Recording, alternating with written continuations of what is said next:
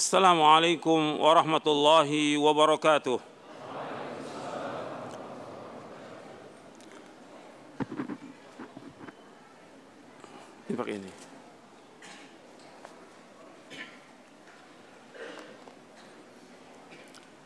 إن الحمد لله نحمده ونستعينه ونستغفره ونعوذ بالله من شرور أنفسنا ومن سيئات أعمالنا من يهده الله فلا مضل له ومن يضلل فلا هادي له. أشهد أن لا إله إلا الله وحده لا شريك له.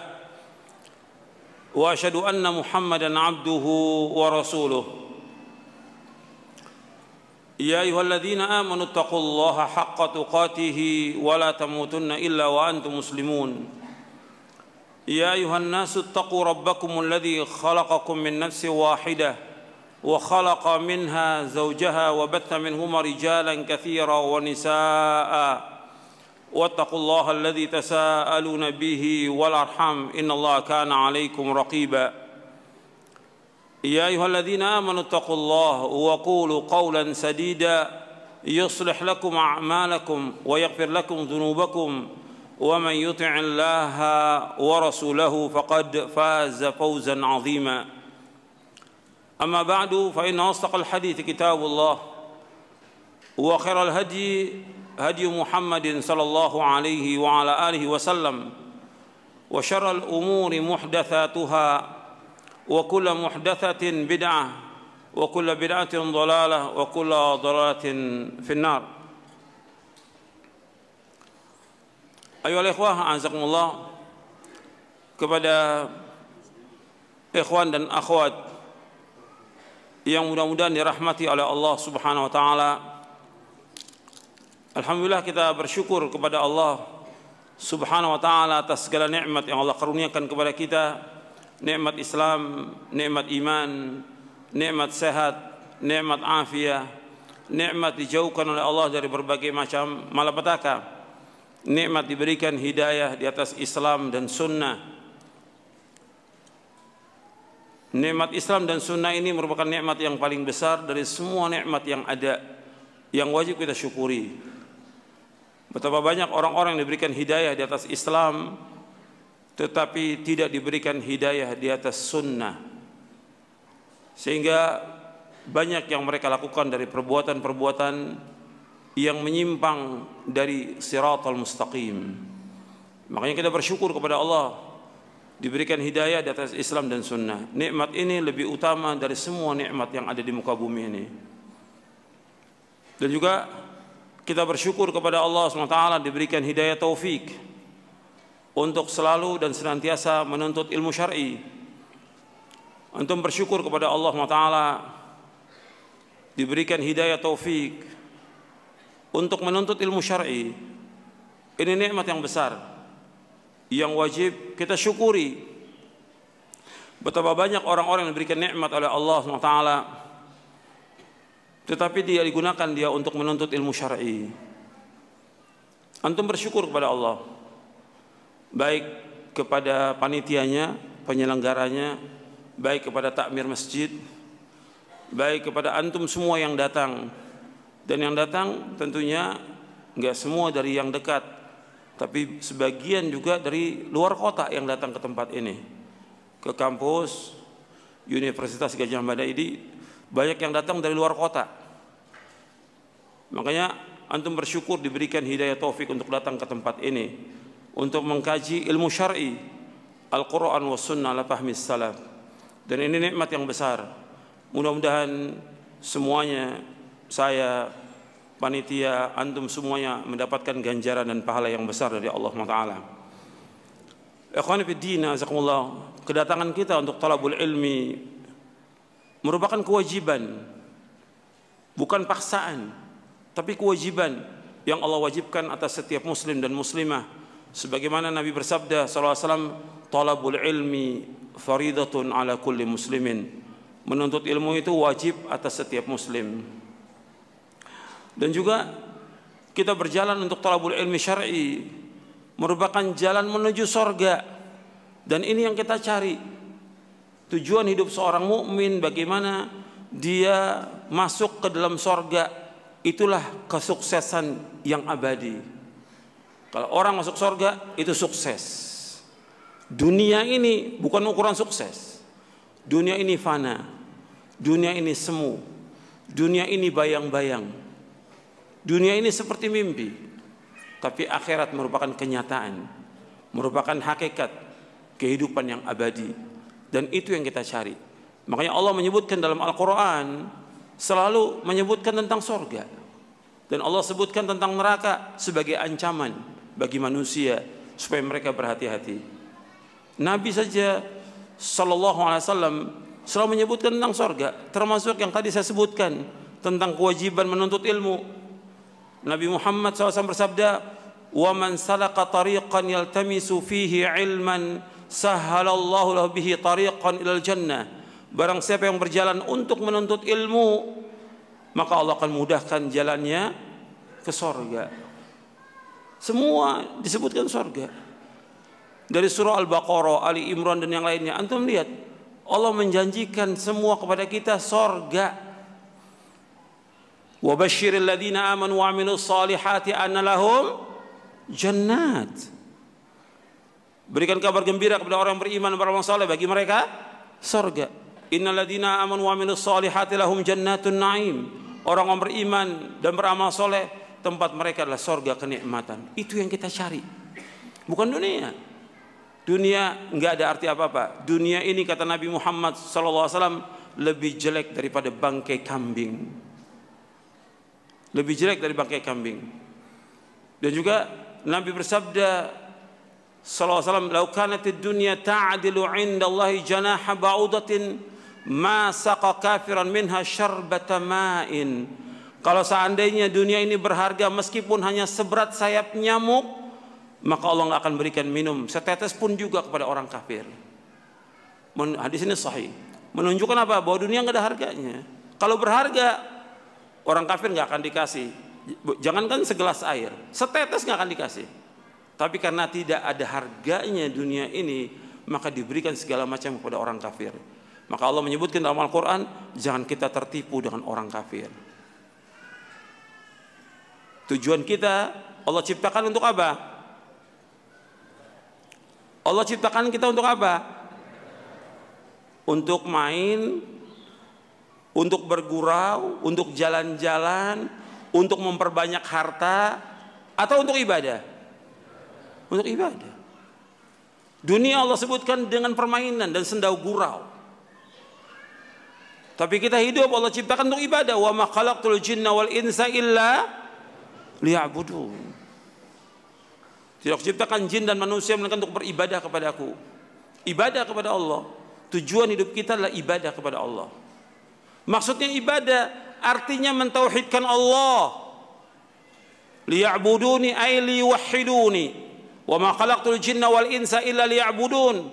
Maksudnya liya'budun ay liyuwahhiduni agar mereka mentauhidkan aku. Kemudian Allah lanjutkan dalam surah Az-Zariyat surah 51 ayat 56. Di 57-nya Allah berfirman, "Ma uridu minhum mirzqin wa ma uridu ay yut'imun." Di ayat 58-nya, "Inna Allah wa razzaqu dzul quwwatil matin." Kata Allah, tidak aku ciptakan jin dan manusia melainkan untuk beribadah kepadaku. Aku nggak minta rezeki dari mereka dan aku nggak minta makan dari mereka. Kemudian Allah katakan sungguhnya Allah yang maha pemberi rezeki terus menerus nggak pernah berhenti dan Allah yang maha kuat Allah yang maha kokoh Ikhwan Bidin Azakumullah ini penting untuk kita yakini bahwa kita hidup ini untuk akhirat bukan untuk dunia. Itu penting antum camkan itu. Antum ingat bahwa kita hidup untuk akhirat. Makanya dikatakan oleh Ali bin Abi Thalib radhiyallahu an sebagaimana diriwayatkan oleh Imam Bukhari di dalam sahihnya kata Ali bin Abi Thalib radhiyallahu an kunu abna al-akhirah wa la takunu abna ad-dunya fa innal yawma amalun wala hisab wa gadan hisabun wala amal kata Ali bin Abi Thalib radhiyallahu an wa arda jadilah kalian anak-anak sorga Jangan kalian jadi anak-anak dunia. Abna ala akhirah, anak-anak akhirat maksudnya anak-anak surga. Jangan kalian menjadi anak-anak dunia. Sesungguhnya hari ini adalah amal.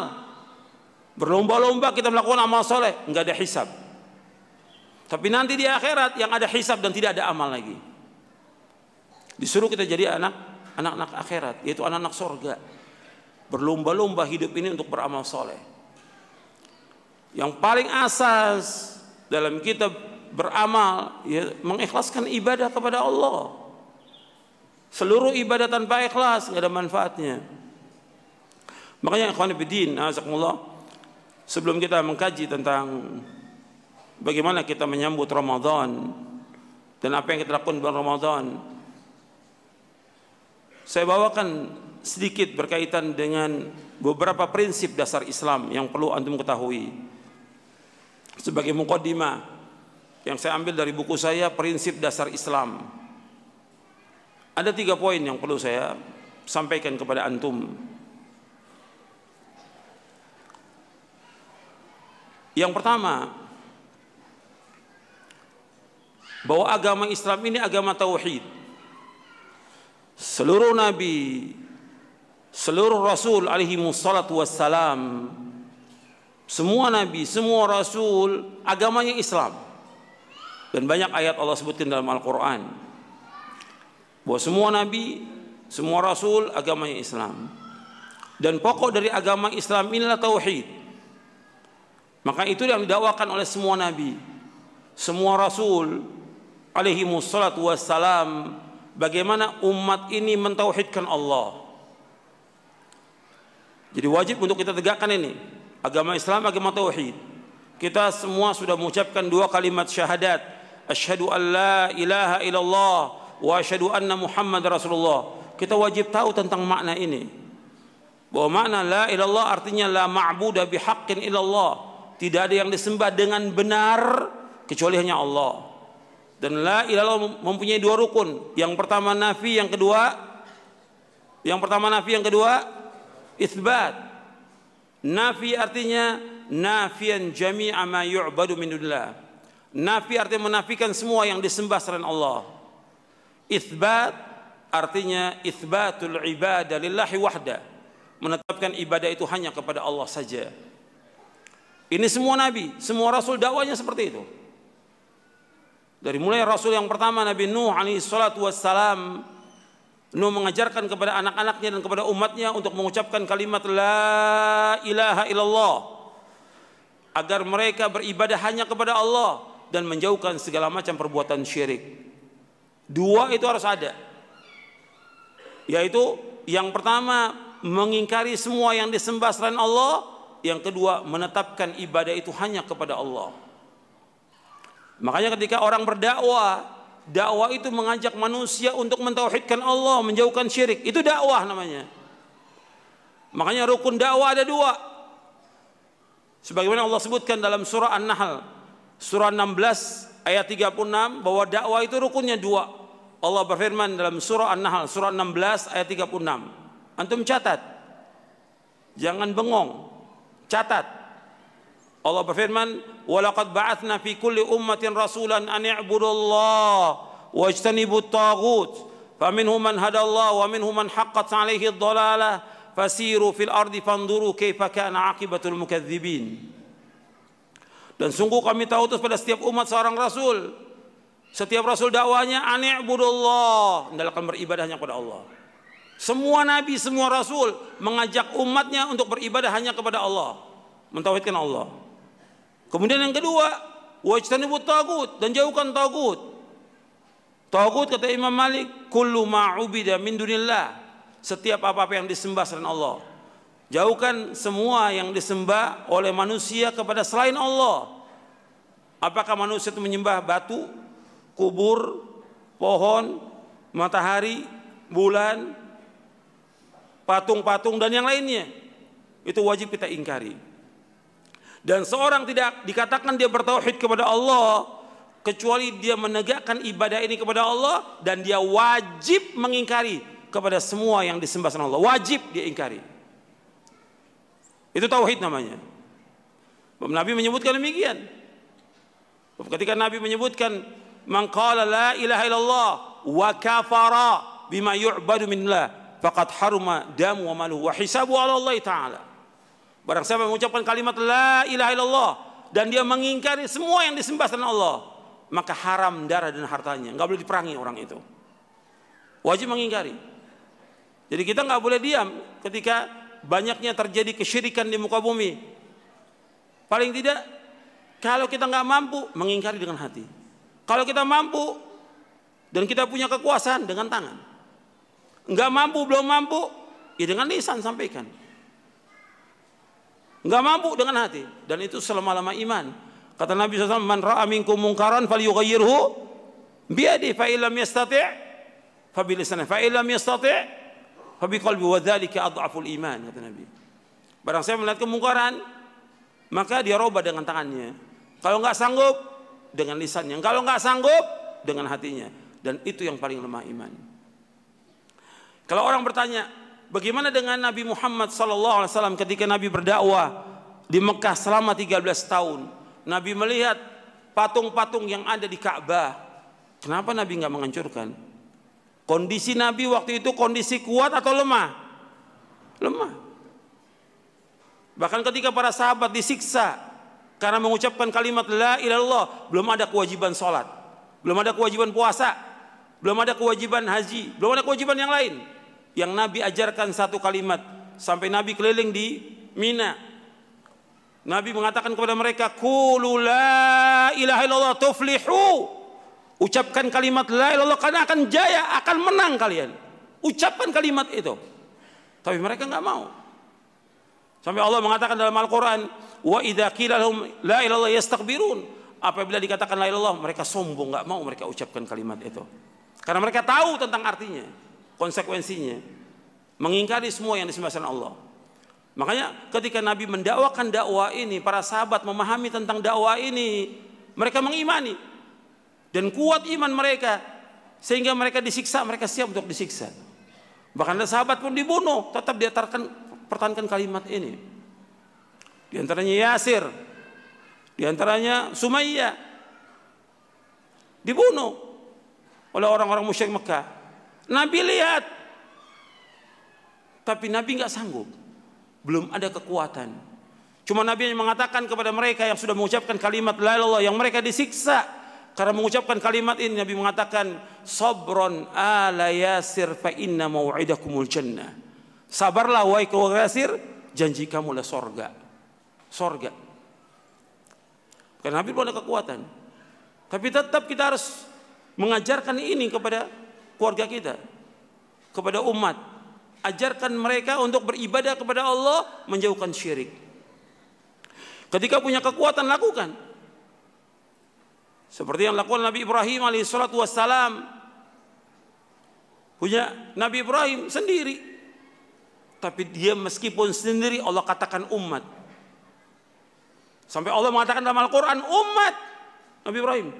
Imamul Hunafa, Abul Anbiya, Ibrahim AS.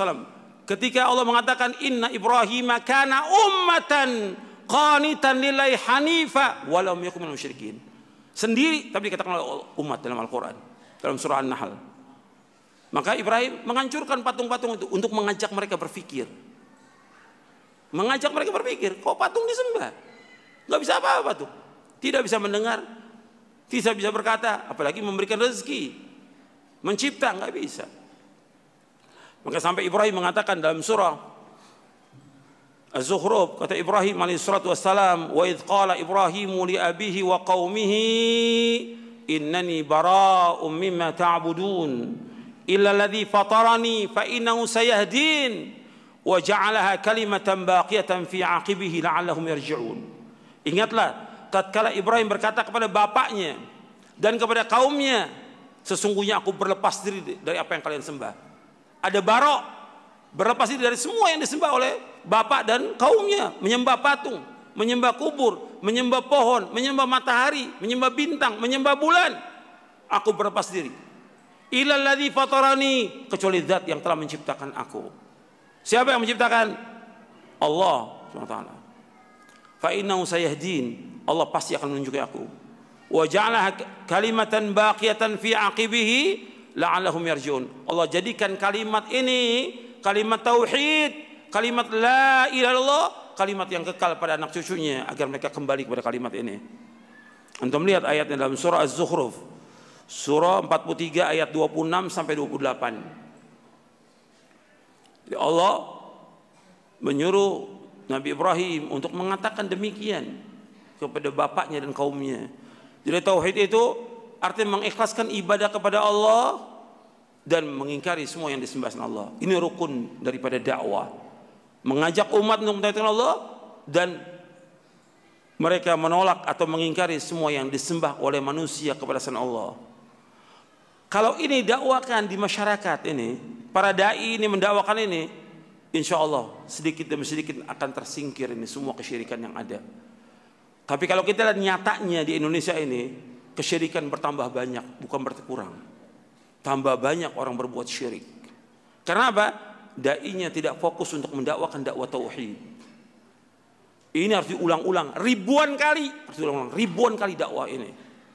Antum lihat Nabi Nuh alaihi salam mendakwakan dakwah tauhid berapa tahun? Berapa tahun?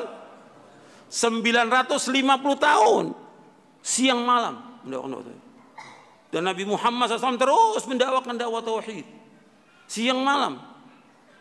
Nggak pernah berhenti. Terus menerus. Selama 23 tahun.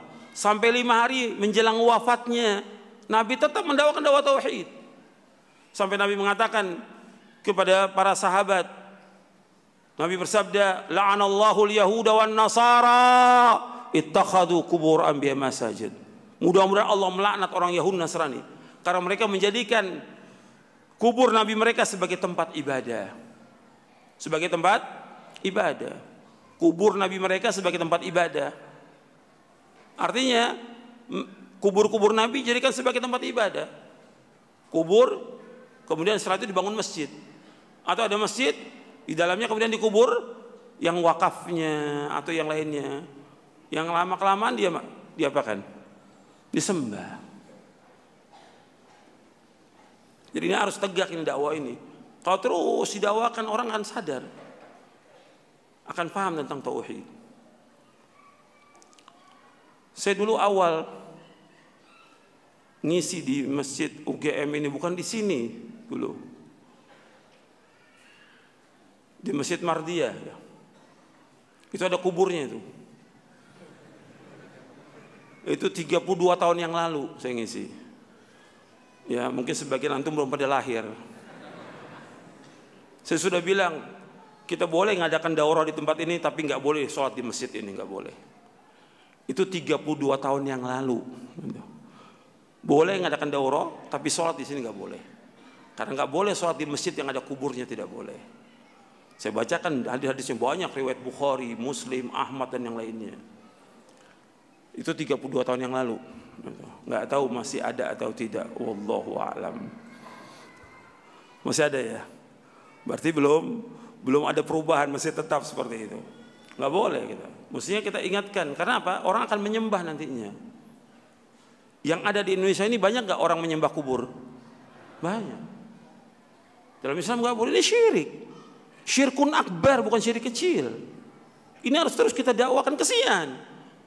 Kalau mereka terus dalam kesyirikan dan mati dalam syirik, kata Allah tempatin neraka. Seluruh amalnya hapus semuanya. Sholatnya, puasanya, zakatnya, hajinya, umrohnya, sedekahnya hapus semuanya kata Allah. Allah yang mengatakan demikian dalam Al-Quran. Lain asyrakta la yahbatanna amaluka wa la takunan khasirin. Kalau engkau berbuat syirik akan hapus seluruh amalmu. Dan engkau termasuk orang merugi. Kalau orang terus berbuat syirik sampai dia meninggal dunia, kata Allah, "Innahu may yusyrik billah faqad haramallahu alaihi al-jannah wa ma'wahu nar wa ma lidh-dhalimin min ansar." Barang siapa berbuat syirik, maka diharamkan bagi dia sorga, diharamkan sorga, tempat tinggalnya neraka dan orang yang zalim nggak ada penolong. Ini semua dalil. Dalil ayat Al-Qur'an ini. Jadi kita nggak main-main. Dakwah ini tauhid, harus terus. Semua dai-dai harus mendakwakan tauhid. Dari satu kitab ke kitab lain isinya tauhid. Dari usul salasa, kasyfu syubuhat, kitab tauhid, qawaidul arba, Terus akidah wasatiyah dan yang lainnya itu harus berganti terus, berulang, dikaji sampai kita paham dan dakwah kepada umat ini diingatkan. Kita ini dakwah, dakwah yang hak ini, dakwah tauhid. Makanya para dai ini sibuk dengan dakwah apa? Tauhid. Bukan sibuk dengan apa? Dengan politik, bukan. Bukan politik. Kita urusannya bagaimana membina umat ini, membina bangsa ini, mencerdaskan bangsa ini agar menjadi orang-orang yang baik. Menjadi orang-orang yang soleh. Karena bumi ini akan diwariskan oleh orang-orang soleh, kata Allah dalam Al-Quran. Bukan oleh politikus. Orang-orang soleh. Ini yang harus kita bina. Dakwah ini harus terus. Siang malam kita dakwakan dakwah tauhid. Bukan ngajak orang buat demo. Itu nggak ada dalam Islam tuh. Yang pertama mulai demo siapa? Khawarij yang pertama mulai demo. Itu ngerusak. Islam tidak senang pada kerusakan. Islam membawa kepada kedamaian. Agama Islam agama yang indah membawa kepada kedamaian, membawa kepada keselamatan, membawa manusia ke sorga. Itu yang harus diulang-ulang biar ingat itu. Karena dakwanya para ambia semuanya seperti itu. Antum lihat Nabi, Aisyah mengatakan di dalam Sahih Bukhari, pertama kali yang Nabi dakwakan kepada orang-orang musyrik Mekah, wa dzakara al-jannata wan nar disebutkan oleh Nabi sorga dan neraka, sorga dan neraka terus siang malam disebutkan supaya orang sadar bahwa tujuan hidup adalah sorga. Jangan sampai mereka masuk neraka. Tapi sekarang kan nggak jarang disebutkan itu. Pembahasannya lebih banyak masalah apa? Fikih, fikih, tauhid nggak kenal akhirnya, nggak tahu. Paham antum? Ini yang pertama.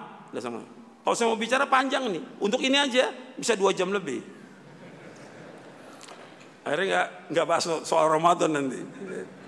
Yang kedua, yang kedua agama Islam agama yang mudah.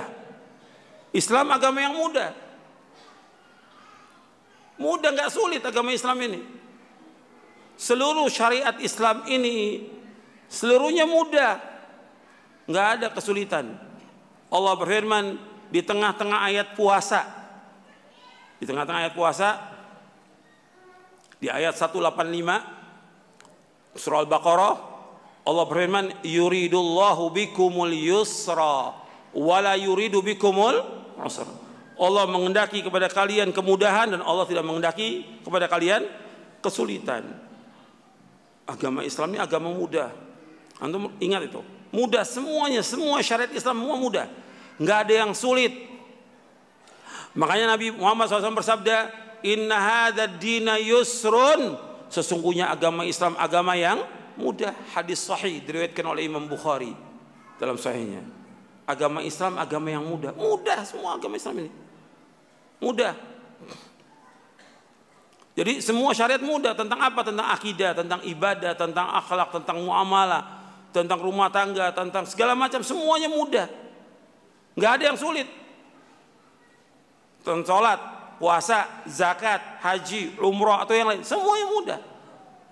Nggak mungkin Allah menurunkan agama yang akan menyulitkan manusia nggak mungkin. Makanya Allah berfirman dalam surah Toha di awal-awal Toha ma anzalna alaikal qur'ana litashqa. Toha kami, kami tidak turunkan Al-Quran untuk menyusahkan manusia. Kami tidak turunkan Al-Quran untuk menyusahkan manusia. Jadi justru untuk memudahkan manusia. Jadi Islam ini mudah, jangan orang mengatakan agama Islam sulit, tidak. Mengikuti Quran wa sunnah ala pahmi salaf mudah, tidak sulit. Semua mudah. Nggak mungkin Allah turunkan agama yang menyusahkan manusia, tidak mungkin. Itu harus kita ingat tuh, semua agama Islam mudah. Kemudian kalau ada orang mengatakan agama ini sulit berat bagi saya, itu disebabkan karena kebodohan dia tentang agama. Atau disebabkan karena dia banyak dosa dan maksiat. Atau disebabkan karena dia dikuasai oleh hawa nafsu. Atau dia mengikuti orang banyak sehingga sulit dia untuk menerima kebenaran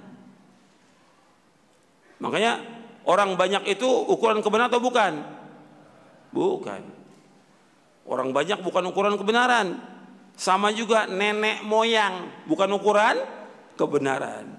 Karena Allah menyebutkan dalam Al-Quran ketika para nabi dan para rasul mengajak mereka untuk kembali kepada jalan yang benar, alasan mereka nenek moyang kami dari dulu seperti ini. Dan sekarang pun seperti itu juga. Kalau diajak kepada Quran dan Sunnah yang benar, ini sudah ajaran nenek moyang. Nenek moyang bukan ukuran kebenaran. Bahkan Allah menyebutkan dalam Al-Quran, di dalam surah Al-Baqarah, surah yang kedua ayat 170, wa idza qila lahum ittabi'u ma anzalallah qalu bal nattabi'u ma alfayna alaihi aba'ana awalau kana aba'uhum la ya'qiluna syai'aw wa la yahtadun.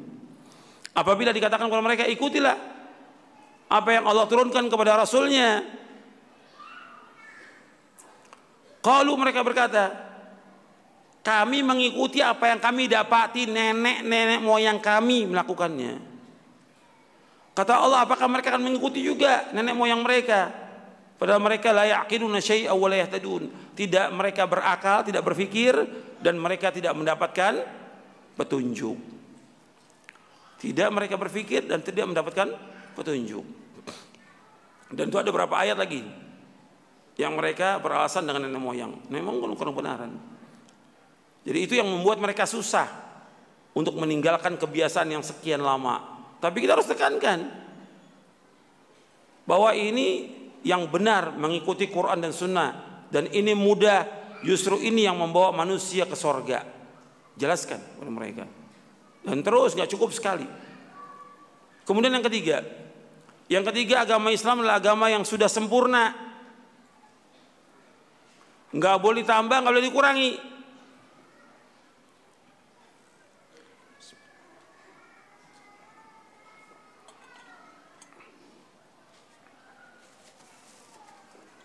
Islam agama yang sudah sempurna Allah berfirman dalam surah Al-Maidah surah yang kelima ayat 3 Allah berfirman al-yauma akmaltu lakum dinakum wa atmamtu alaikum ni'mati wa raditu lakum al-islam madina pada hari ini aku sempurnakan bagimu agamamu.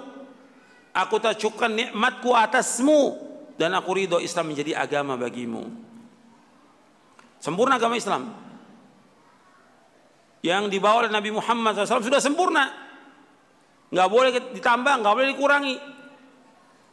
Makanya dikatakan oleh Mukathir tidak ada agama kecuali agama yang dibawa oleh Nabi Muhammad SAW. Nggak ada syariat kecuali syariat yang dibawa oleh Nabi Muhammad SAW. Kata Ibnu Abil Aiz Al-Hanafi tidak ada torekot kecuali torekot yang dibawa oleh Nabi Muhammad SAW. Dan tidak ada hakikat kecuali hakikat yang dibawa oleh Nabi Muhammad SAW. Sempurna agama Islam ini. Nggak boleh kita tambah, nggak boleh kita kurangi. Makanya Nabi Muhammad SAW meninggalkan agama Islam ini dalam keadaan putih bersih. Malamnya seperti siangnya. Kalau orang menyimpang dari yang putih bersih ini, pasti dia akan binasa. Kata Nabi Muhammad SAW dalam hadis yang diriwayatkan oleh Imam Ibnu Majah dan Ibnu Abi Asim dalam kitabnya As-Sunnah. Kata Nabi SAW, Taraktukum ala mithlil bayda, lailuha kanahariha la yazigu anha ba'di illa halik. Kata Nabi aku tinggalkan agama Islam ini kepada kalian dalam keadaan putih bersih. Malamnya seperti siangnya tidaklah menyimpang dari yang putih bersih ini melainkan orang itu pasti binasa. Jadi putih bersih nggak ada bercak-bercak syirik nggak ada bercak-bercak bid'ah nggak ada bercak-bercak khurafat tidak ada bersih Nabi tinggalkan agama Islam ini. Makanya kita wajib mengikuti jalan yang lurus ini. Agama yang putih bersih ini. Dan mengikuti agama kebanyakannya manusia atau nenek moyang jangan pasti sesat nanti. Justru ikuti yang diwariskan oleh Nabi Muhammad SAW, Al-Quran wa Sunnah dan diamalkan para sahabat itu yang kita ikut. Jangan nambah-nambah. Yang gak ada pada zaman Nabi jangan kita lakukan yang berkaitan dengan ibadah kalau dunia Nabi mengatakan antum a'lamu bi umuri dunia. Kalau ke dunia kalian lebih tahu tentang urusan kalian.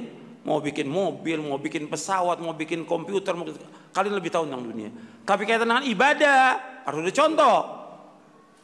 Orang mengadakan puasa tertentu, umpamanya puasa mutih, ada nggak itu di Indonesia? Ada.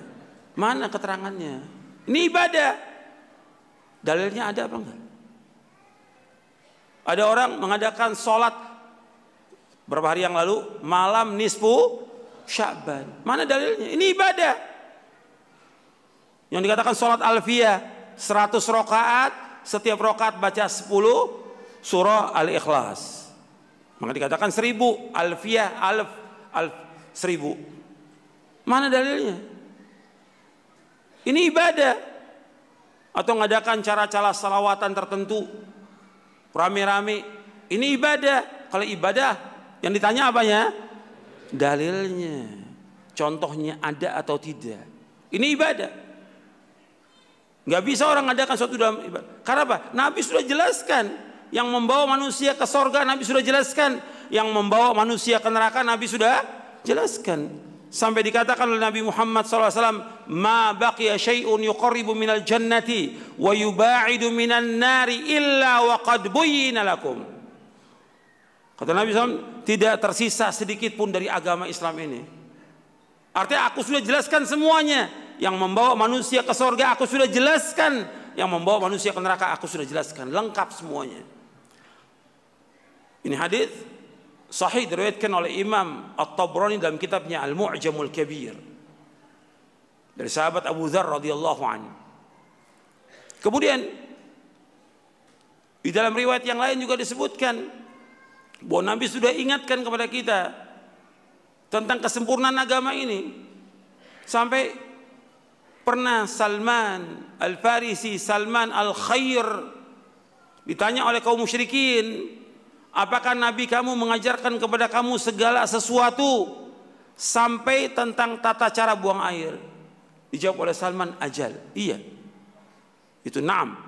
Hadis ini sahih riwayat Muslim. Iya, Artinya Nabi mengajar kepada kami semua sampai tentang tata cara buang air. Kalau tentang tata cara buang air diajarkan oleh Nabi Muhammad SAW, apalagi tentang akidah, tentang tauhid. Gak mungkin Nabi nggak ajar, mengajarkan. Tentang ibadah Nabi ajarkan lengkap. Ini harus kita pahami ini.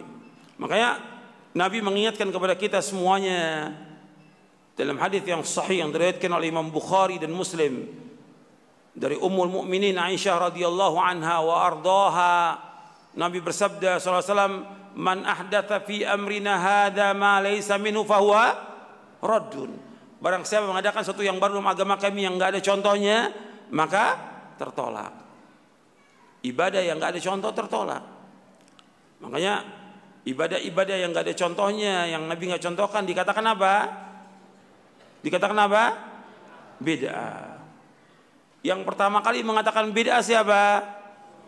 Rasulullah SAW. Dan mengatakan semua bid'ah itu sesat siapa? Rasulullah SAW. Nabi yang mengatakan. Nabi bersabda SAW dalam hadis yang sahih yang diriwayatkan oleh Imam Abu Daud, Tirmidzi, Ahmad dan yang lainnya. Nabi bersabda SAW, wa iyyakum wa muhdatsa wa muhdatsatil umur fa inna kulla muhdatsatin bid'ah wa kulla bid'atin dolala. Kata Nabi SAW, jauhkan dari kalian dari setiap perkara-perkara yang baru dalam agama. Karena setiap yang baru adalah bid'ah dan setiap bid'ah adalah sesat. Ini harus kita pegang ini. Ya. Sebab banyak timbul bid'ah-bid'ah yang ada yang kita justru ingatkan. Kita wajib sebagai seorang dai mengingatkan umat manusia jangan sampai mereka jatuh dalam perbuatan bid'ah. Karena masalah ini bukan masalah kecil ketika orang jatuh ke dalam perbuatan bid'ah maka disebutkan dalam hadis yang tadi amalnya diterima atau tertolak tertolak bukan hanya itu bahwa bid'ah itu dicintai oleh iblis bahkan juga Nabi menyebutkan bahwa bid'ah itu membawa manusia ke mana ke neraka dalam hadis yang diriwayatkan oleh Imam Nasai dari sahabat Jabir bin Abdullah radhiyallahu an Nabi bersabda kullu bid'atin dhalalah wa kullu dolalatin finnar. Setiap beda itu sesat dan setiap kesatuan tempatnya di neraka. Nabi yang mengatakan semua bid'ah sesat dan semua kesatuan tempat neraka. Nabi SAW mengatakan hadis ini sahih diriwayatkan oleh Imam An-Nasai dalam sunannya. Itu tiga pokok yang perlu saya sampaikan sebagai mukaddimah. Sekarang kita akan masuk pembahasan kita yang berkaitan tentang masalah puasa dan tentunya kita cukupkan waktunya dengan apa yang ada mudah-mudahan cukup waktunya kita ini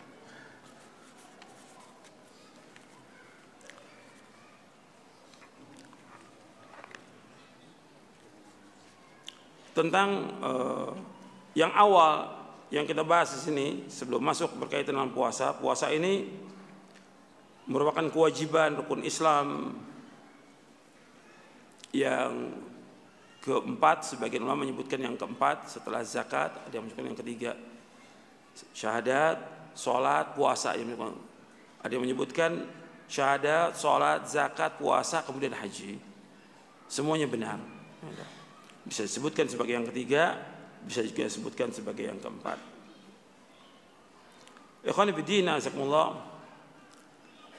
Berkaitan tentang masalah menyambut Ramadan. Ini banyak orang penyimpangan-penyimpangan yang terjadi sebelum kita bahas masuk kepada Ramadannya. Ini penyambutan Ramadan. Ya. Penyambutan Ramadan di mana-mana banyak sekali dengan berbagai macam acara yang mereka lakukan. Di antaranya, di antaranya yang saya sebutkan di sini, yang pertama termasuk yang penyimpangan ini nyekar. Apa itu nyekar?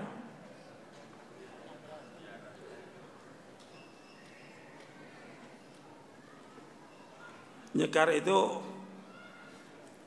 tradisi ziarah ziarah kubur atau menjemput arwah leluhur yang telah meninggal Tujuannya ya macam-macam sudah. Kemudian menabur bunga dan segala macam. Soal ziarah kubur. Ziarah kubur pada hakikatnya disyariatkan dalam agama Islam. Perhatikan. Tolong semuanya dengarkan baik-baik supaya tidak salah paham. Ya. Ziarah kubur pada hakikatnya disyariatkan dalam Islam. Yang menyuruh ziarah kubur Nabi Muhammad SAW kata Nabi SAW kuntu nahaitukum an ziaratul kubur fazuruha fa innaha tudzakirukumul akhirah.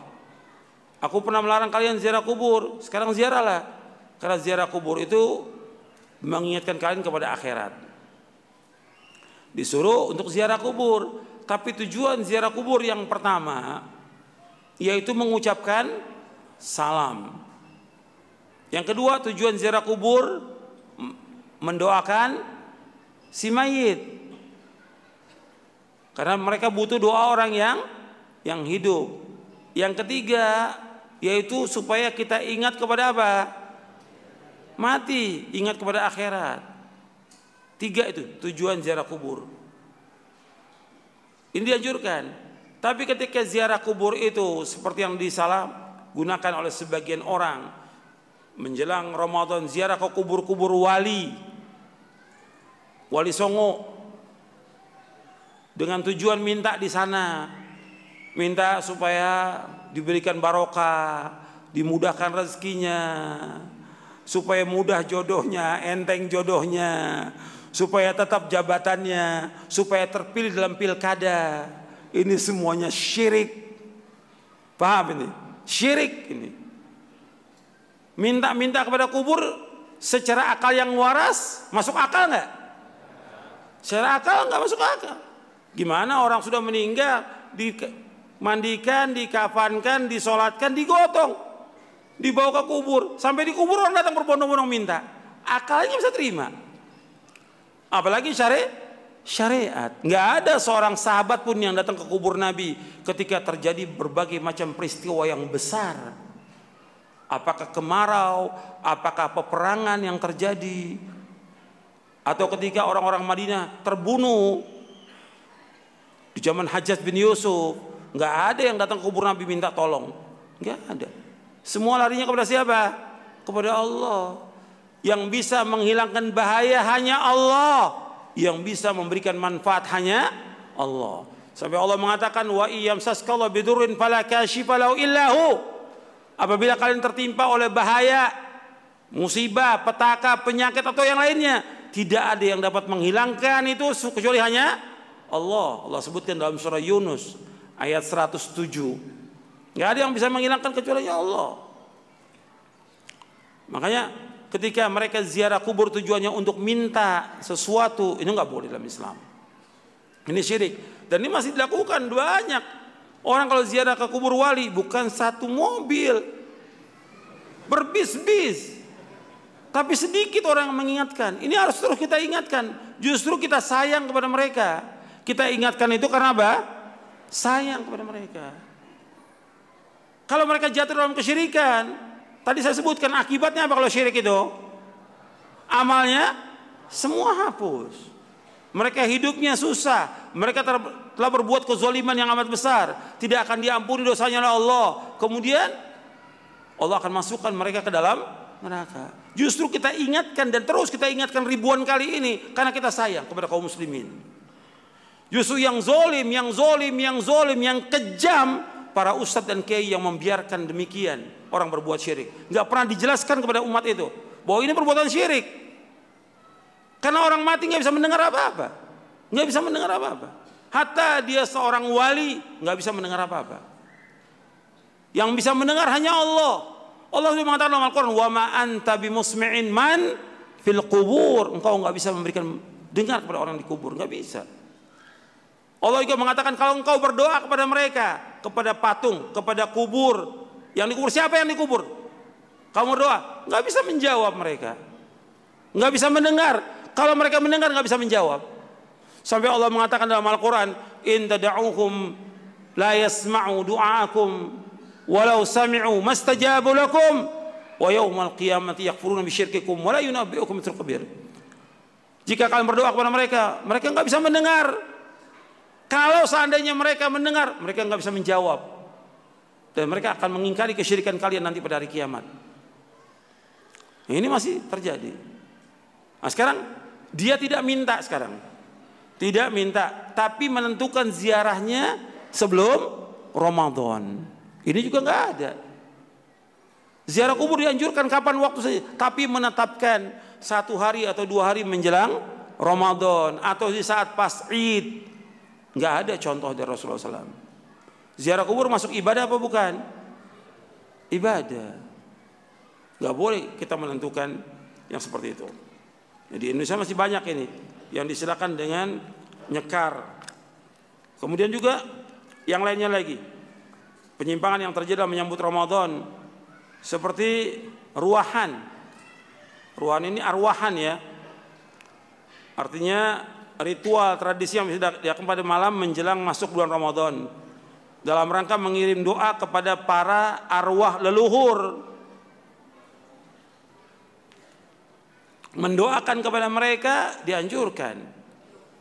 Kan tujuan ziarah, ziarah kubur itu mendoakan. Tapi seandainya kita nggak ziarah, kita mendoakan sampai kapan waktu aja. Tapi menentukan ketika menjelang Ramadan nggak ada contohnya. Nggak ada contohnya seperti itu. Kemudian munggahan ini dari bahasa Sunda ini unggah makan sepuasnya Kan kalau mau Ramadan, sepertinya dia nggak pernah makan tuh tiap hari nggak pernah makan. Sepertinya. Ya. Akhirnya sebelum Ramadan, karena kita mau puasa sebulan penuh makan-makan dulu. Ini tradisi yang nggak bagus seperti ini. Kita pasti makan, pasti makan. Atau kita puasa juga pasti kita buka, pasti, udah pasti. Maka dalam kajian-kajian saya itu saya nggak mau kajian itu ada makanan. Karena nggak akan ketemu antara ngaji dengan makan. Yang lebih kuat apanya? Makan yang lebih kuat. Saya nggak mau kalau pengajian makan, eh, nggak ada. Makan, maka saya bilang nggak boleh bawa makanan. Gitu. Sebab itu kalau udah makan, ya hilang pengajiannya hilang. Yang ingat makannya itu. Kalau ini enggak, dia rame-rame makan-makan seolah-olah dia nggak akan makan lagi sudah. Ini nggak benar. Kebiasaan yang tidak baik. Dan ini harus di, diluruskan ini. Kalau memberikan makan kapan waktu aja. Kalau ngundang makan orang boleh aja. Tapi tidak harus menentukannya sebelum puasa dengan ramai-ramai bahkan juga banyak juga menghabiskan biaya dan juga terjadi ikhtilat dan maksiat dan yang lainnya. Kemudian juga di antara lagi menyambut Ramadan dengan kalau orang Jawa apa bilang padusan, adus mandi mandi bersama, sampai laki perempuan campur aduk. Mungkin selama ini nggak pernah mandi kali dia. Sebelum Ramadan baru mandi dengan keramas dan segala macam. Ini nggak ada yang seperti ini. Mandi yang wajib itu ketika orang mau sholat Jumat atau ketika dia bersih dari haid atau nifas atau dia junub dia wajib mandi. Tapi menjelang Ramadan untuk mandi nggak ada. Kalau mau Jumat dianjurkan kita untuk mandi bahkan wajib. Nabi memerintahkan sampai Nabi mengatakan guslu yaumil jum'ati wajibun ala kulli muhtalimin mandi pada hari Jumat itu wajib bagi orang yang sudah balik. Hadisnya sahih dikeluarkan oleh imam yang tujuh akhrajahu sab'ah. Artinya Ahmad, Bukhari, Muslim, Abu Daud, Tirmidzi, Nasai dan Ibnu Majah. Kemudian yang sering juga orang pasang ini yang keempat ya, padusan. Ini enggak ada ini. Karena dianggap itu barokah dengan mandi itu.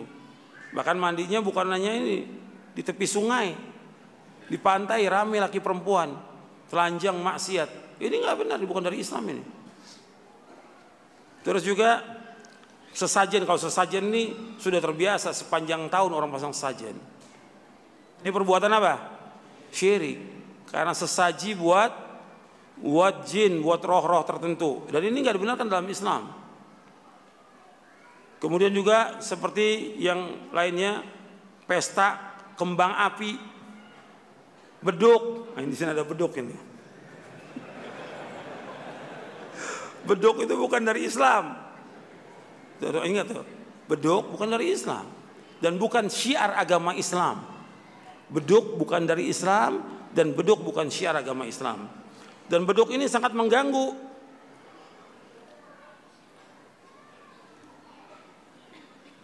Dan ini kalau sudah Ramadan sama Idul Fitri ini mulai orang beduk. Mukul beduk setiap hari. Ini mengganggu kaum muslimin. Ini di buku Hukum Lagu, Musik dan Nasyid. Saya jelaskan di sini tentang beduk. Supaya antum juga tahu karena ini mengganggu benar ini. Karena ini alat bagian daripada alat musik ini. Beduk dalam syariat Islam Beduk adalah alat musik yang dianggap sebagai syiar Islam. Padahal alat ini sama dengan alat musik yang lain, hukumnya haram. Beduk digunakan untuk memanggil orang sholat lima waktu di sebagian masjid di Indonesia dan tempat lainnya. Beduk ini dipakai pada hari raya Idul Fitri, Idul Adha di bulan Ramadan untuk meramaikan takbiran dan yang lainnya. Dan dianggap sebagai syiar untuk membangunkan orang-orang sahur dan yang lainnya. Disebutkan bahwa menabuh beduk ini tidak memiliki hubungan apa pun dengan ajaran Islam. Karena beberapa alasan berikut ini. Beduk bukan dari agama Islam. Yang kedua, menabuh beduk adalah kebiasaan orang-orang kafir, ahlul kitab. Dan ada dalam keyakinan animisme dan dinamisme yang digunakan untuk memanggil roh-roh nenek moyang mereka.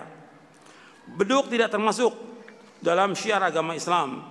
Dan beduk tidak ada hubungannya dengan ibadah-ibadah dalam Islam sama sekali nggak pernah ada. Menabuh beduk adalah perbuatan bid'ah dalam agama Islam. Menabuh beduk termasuk tasyabbuh dengan orang-orang kafir. Sedangkan menyerupai orang kafir tidak boleh. Beduk disukai oleh iblis dan syaitan. Beduk tidak disukai oleh Rasulullah SAW dan para malaikat dan para sahabat. Menabuh beduk mengganggu kaum muslimin. Menabuh beduk mengganggu tetangga, orang yang sedang tidur atau orang sakit. Menabuh beduk termasuk membuang-buang waktu menabuh beduk perbuatan yang sia-sia dan tidak ada manfaatnya dan yang lainnya saya sebutkan. Bahkan gak ada ganjaran yang gak ada pahala. Tapi orang bergantian mukul beduk. Ya. Dan untuk memanggil sholat yang ada apa? Adzan. Dan adzan itu hanya ada untuk sholat yang lima waktu aja. Kalau orang memanggil adzan pada sholat id jatuhnya perbuatan apa? Bid'ah. Karena nggak ada contoh.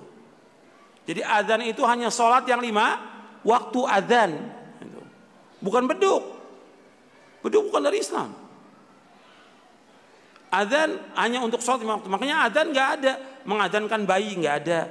Mengadankan orang mati di kuburan nggak ada. Emang orang mati mau sholat? Nggak ada.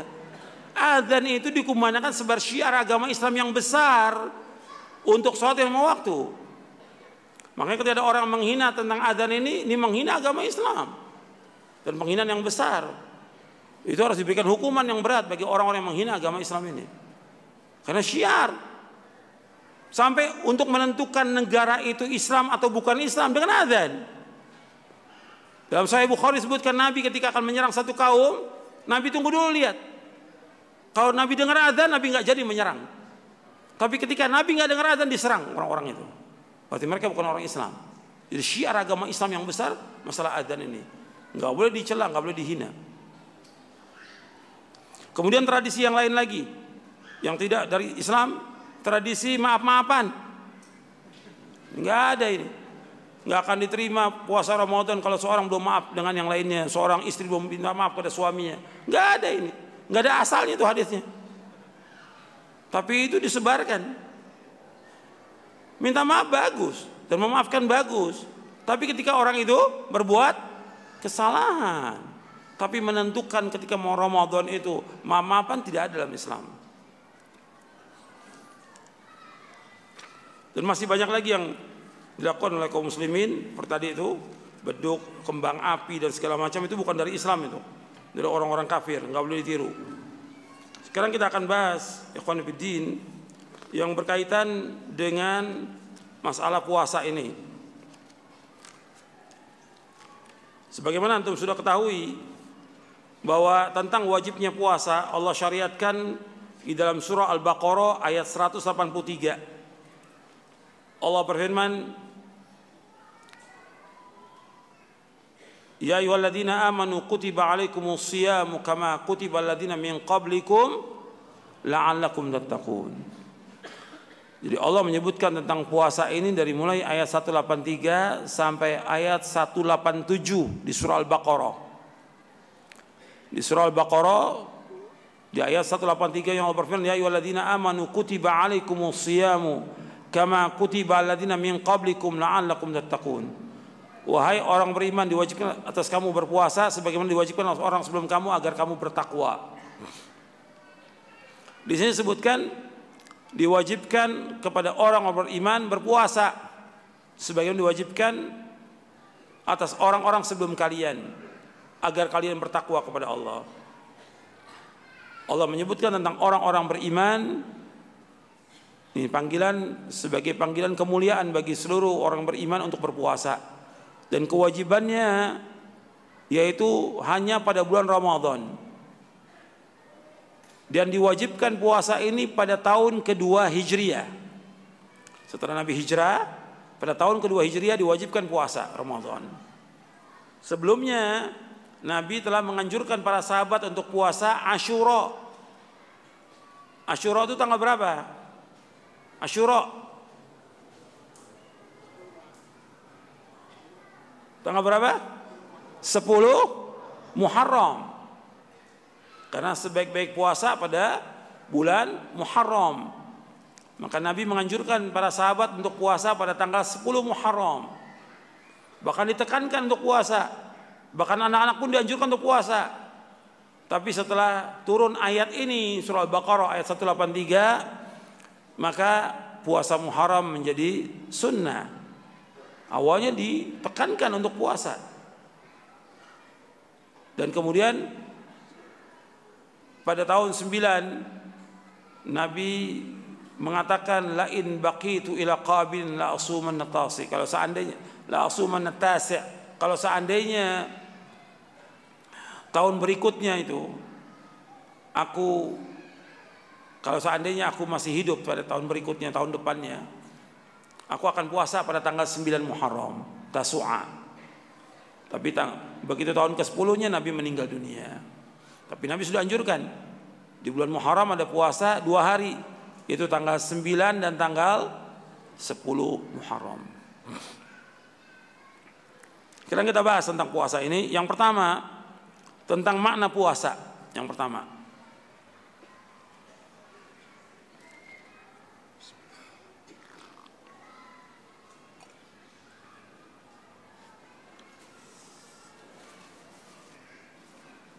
Asyam secara logo artinya al-kafu wal imsak.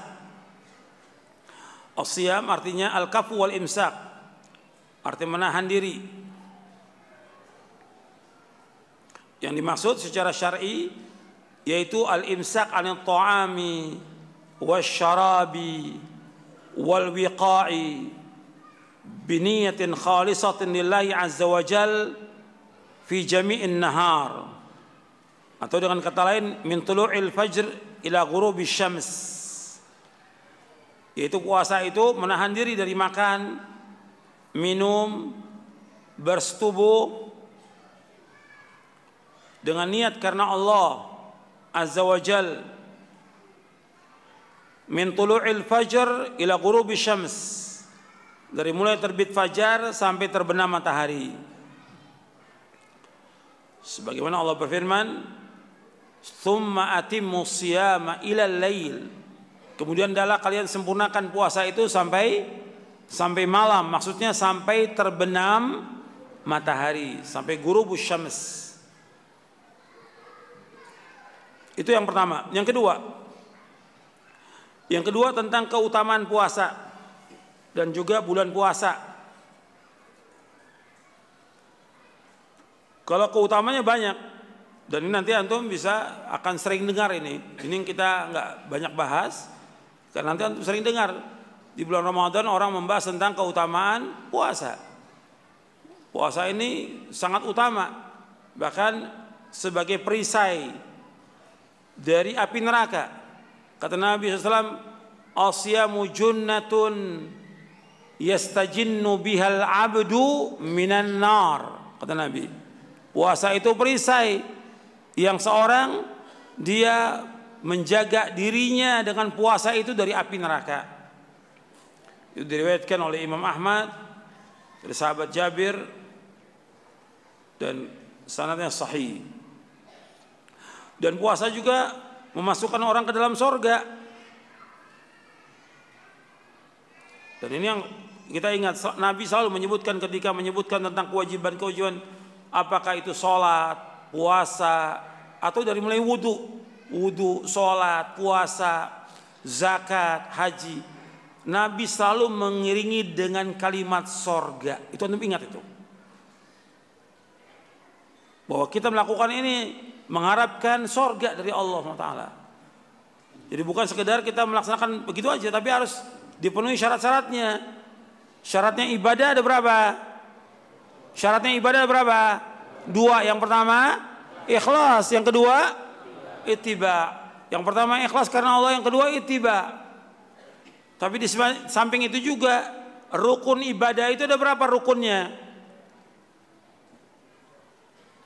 Kalau syarat semuanya nyebut, kalau giliran rukun diam semuanya. Rukun ibadah berapa? Ada? Iya, sebutkan.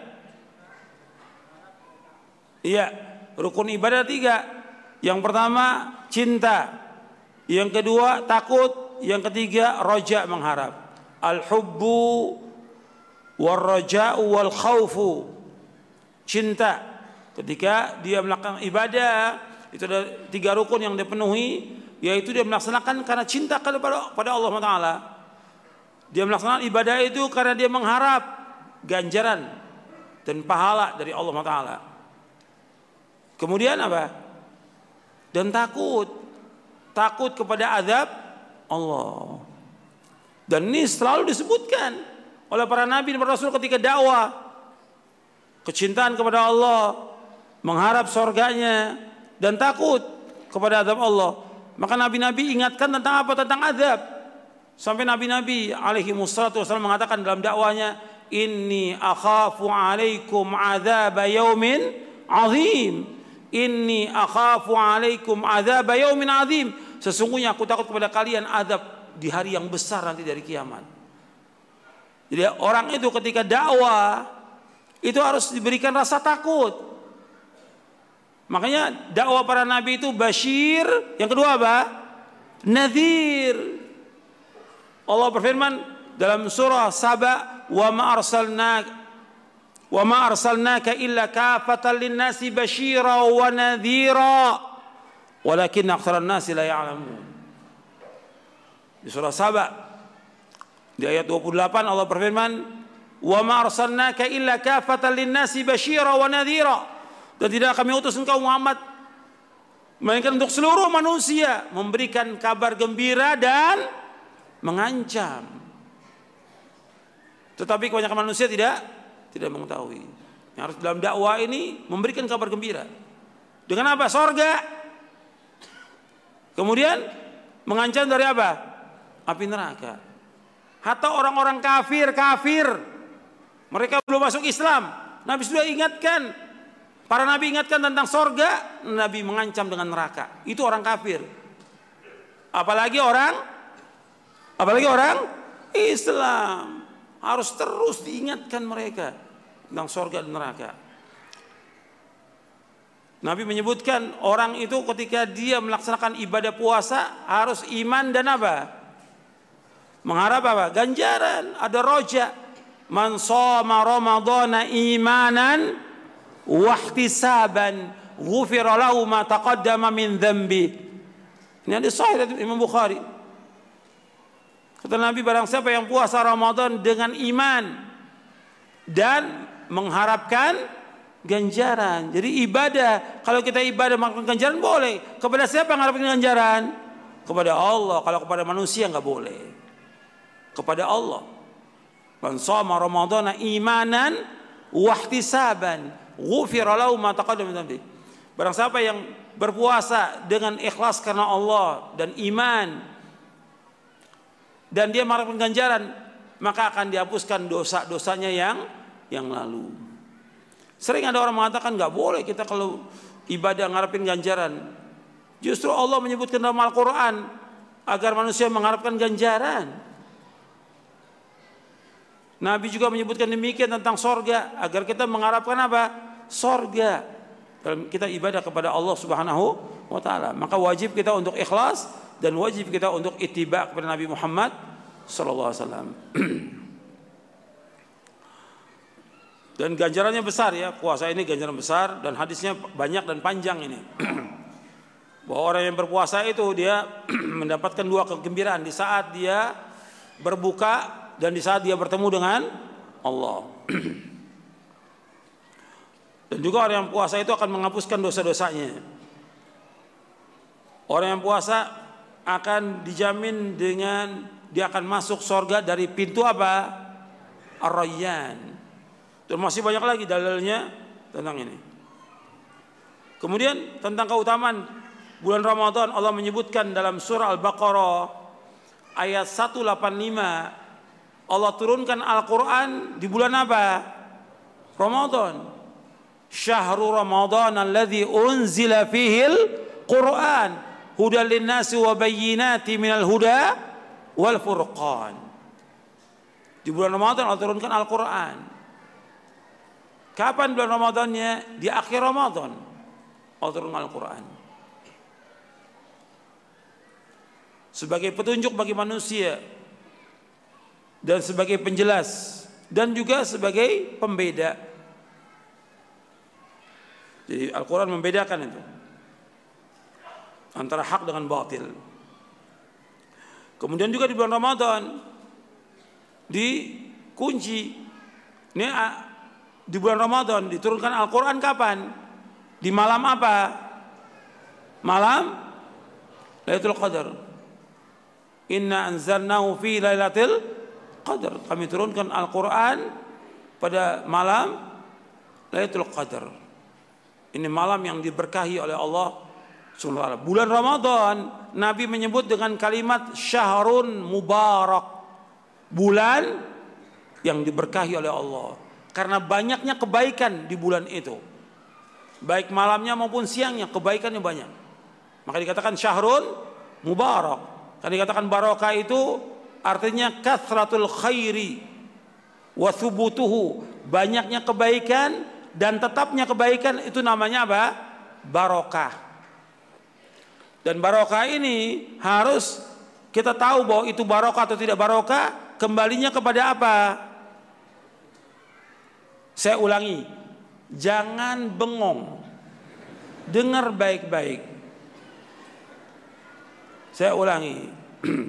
Kalau sesuatu ini dikatakan barokah, menetapkan itu barokah, kembalinya kepada apa dasarnya? Dasarnya apa? Dalil. Ketika orang mengatakan ini barokah atau enggak barokah, dalilnya mana? Ini air barokah dari mana dalilnya? Harus dalil. Kalau dikatakan air hujan barokah, ada dalilnya. Allah menyebutkan dalam Al-Quran bahwa air hujan itu mubarak, diberkahi oleh Allah. Air zam-zam diberkahi oleh Allah. Cuma air yang diminum oleh ustadz, kiai, barokah dari mana dalilnya? Orang suruh minum semuanya. Akhirnya sakit semuanya. Karena kiainya sama ustadznya batuk melulu. Jadi dalilnya mana? Mengatakan barokah. Harus kembali kepada apa? Dalil. Atau megangin ustadz ininya. Atau sorbannya. Barokah. Dari mana dalilnya mana? Nggak ada. Sampai air kobokannya diminum. Barokah. Ada nggak? Ada. Sampai orang nyuci kereta di Jogja ini airnya diminum. Ada apem barokah. Dari mana keterangannya itu? Ini semuanya syirik ini. Harus ada dalil. Barokah dan tidaknya. Dari mana keterangannya? Kalau zatnya Nabi, zatnya Nabi Barokah, betul zatnya Nabi Barokah. Hanya untuk Nabi Muhammad SAW saja, tidak untuk yang lain. Makanya ketika Nabi Muhammad SAW buang ludah diambil oleh para sahabat. Untuk Nabi saja Barokah. Air wudhunya diperlukan oleh sahabat. Keringatnya dijadikan minyak wangi. Ini rambutnya ketika dicukur dijadikan obat untuk penyembuh. Hanya untuk Nabi Muhammad SAW saja, tidak untuk yang lain. Khulafaur Rasyidin tidak ada. Abu Bakar, Umar, Uthman, Ali radhiyallahu enggak ada. Orang kemudian tabaruk dengan tabaruk dengan Nabi ada. Hanya untuk Nabi Muhammad SAW saja. Itu ingat tuh. Enggak untuk yang lain. Ini enggak semua orang cari barokah dengan fulan, cari barokah dengan dari mana keterangannya? Jadi ada hari yang barokah, ada bulan yang barokah, ada malam yang barokah. Bulan yang barokah, Nabi menyebutkan bulan apa?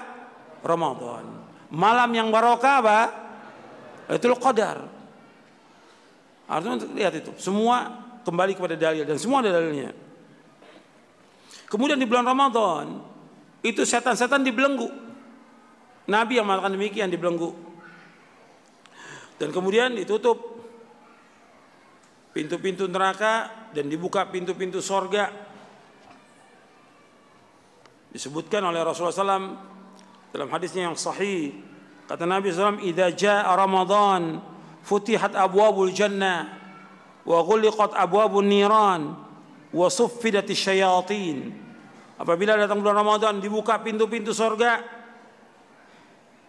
ditutup pintu-pintu neraka dan dibelenggu setan-setan hadis sahih riwayat Bukhari dan Muslim. Dan ini adanya dari mulai awal bulan Ramadan sampai akhir. Sampai di hadis yang lain disebutkan idza kana awwalul lailatin min syahr ramadan suffidati syayatinu maradatul jin wa ghuliqat abwabun nar falam yuftah minha babun wa futiyat wa futihat abwabul jannati falam yughlaq minha babun akbil wa ya bagi syarri aqsir walillahi utaqa'u minan nar wa dhalika kullu lailatin Rawahu Tirmidzi wa Ibnu Majah wa Ibnu Khuzaimah wa isnaduhu hasan. Kata Nabi SAW apabila malam pertama di bulan Ramadan dari bulan Ramadan dibelenggu setan-setan yaitu Nabi sebutkan maratul jin artinya setan-setan eh, jin-jin yang melewati batas. Ditutup pintu-pintu neraka dan tidak dibuka sedikit pun juga. Satu pintu-pintu nggak dibuka. Dan dibuka pintu-pintu sorga dan tidak ditutup satu pun pintu. Tidak ditutup satu pun pintu. Semua dibuka. Dan ada penyeru mengatakan, "Wahai orang-orang yang mencari kebaikan, menghadaplah." Artinya berlomba-lomba kalian masuk ke bulan Ramadan ini, melakukan amal soleh. Dan orang-orang yang mencari kejelekan, tahan diri kamu. Berhenti, jangan berbuat kejelekan lagi. Sesungguhnya bagi Allah, yaitu orang-orang yang akan dibebaskan dari api neraka, yang demikian adanya setiap malam. Jadi adanya setiap malam. Kemudian juga bulan Ramadan disebutkan bahwa di bulan Ramadan dikabulkannya doa. Doa-doa itu dikabulkan. Maka antum kesempatan itu di bulan Ramadan untuk banyak berdoa kepada Allah Subhanahu wa taala. Sebab Nabi bersabda dalam hadis yang diriwayatkan oleh Imam Bazzar dan Ahmad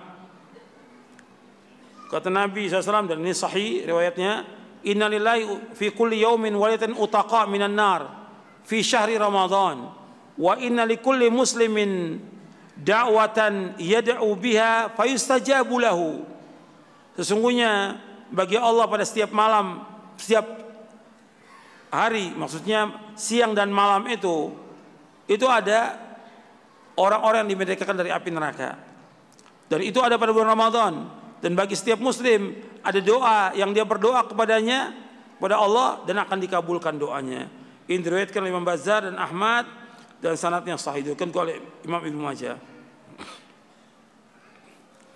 Makanya di tengah-tengah ayat puasa Allah kaitkan dengan apa? Dengan doa. Di 185-nya, eh 186. Surah Al-Baqarah 186, "Wa idza sa'alaka 'ibadi 'anni fa inni qarib ujibu da'watad da'i idza da'an falyastajibu li wal yu'minu bi la'allahum apabila hamba-hambaku bertanya kepadamu Muhammad tentang aku katakan aku dekat jadi Allah dekat. Allah mengabulkan semua doa hambanya. Maka dia penuhi perintah-perintahku menjauhkan laranganku dan dia berdoa kepadaku. Aku akan kabulkan doanya. Agar mereka mendapatkan petunjuk. Jadi Allah menyuruh kita untuk berdoa kepada Allah. Maka disuruh fa yastajibu li wal yu'minu bil alam rasyudun. Kemudian yang keempat, pembahasan kita yang keempat tentang hukumnya. Hukum puasa Ramadan hukumnya wajib. Hukum puasa Ramadan itu wajib.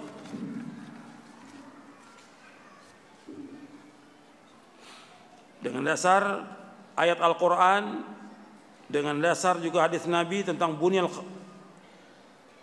bunyal Islam wal khamsin dibangun Islam itu di atas lima perkara. Nabi sebutkan wasaumi Ramadan wa hajjil bait. Puasa Ramadan dan hajjil bait.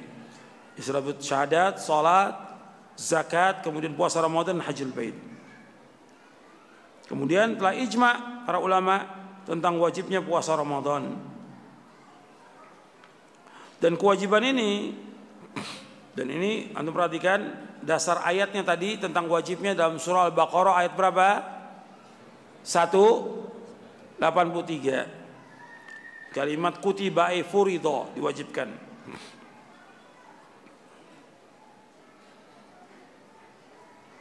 Kemudian wajibnya puasa ini masih yang keempat yaitu diwajibkan atas setiap muslim yang balik yajibu ala kulli muslimin baligin aqilin sahihin muqimin wa an takuna al mar'atu tahiratan min al haidi wan nif min al haidi wan nifas.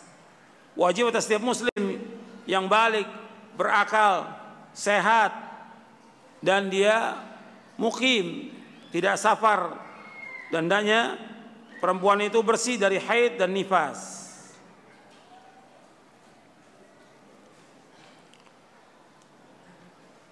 Itu tentang kewajibannya. Kemudian yang kelima, tentang rukunnya. Bahwa rukun puasa itu ada dua. Rukun puasa ada dua. Yang pertama niat. Yang kedua al-imsak anil mufattirat min tulu'il fajr ila ghurubi syams. Yang pertama niat Yang kedua menahan diri dari hal-hal yang membatalkan puasa dari mulai terbit fajar sampai terbenam matahari.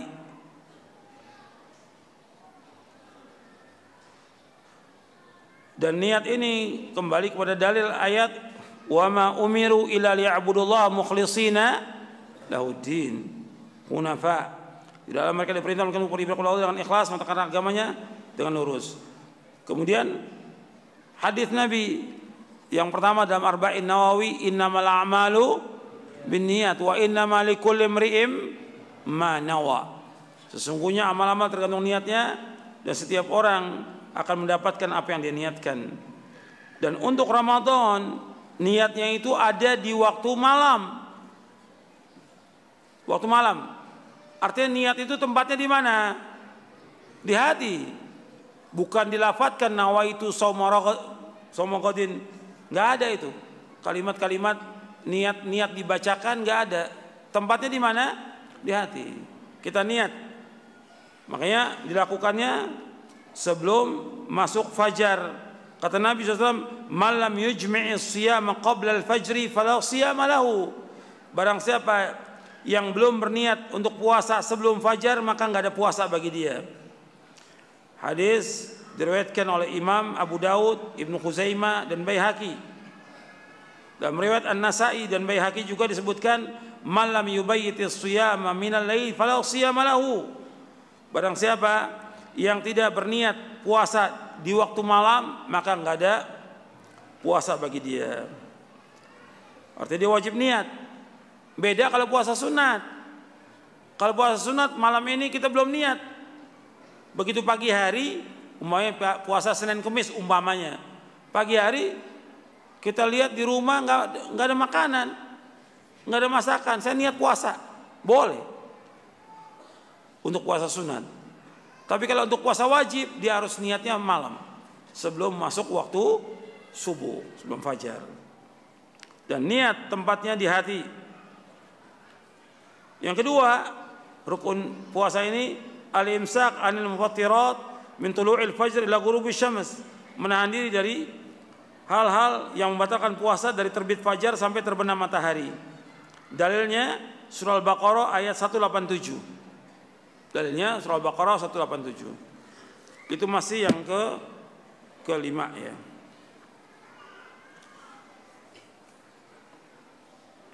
Berapa?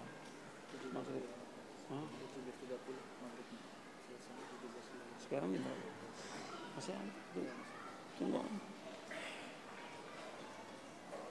Kemudian kita masuk sekarang kepada adab-adab puasa.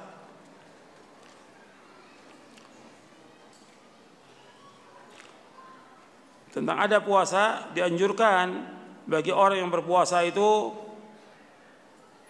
untuk sahur.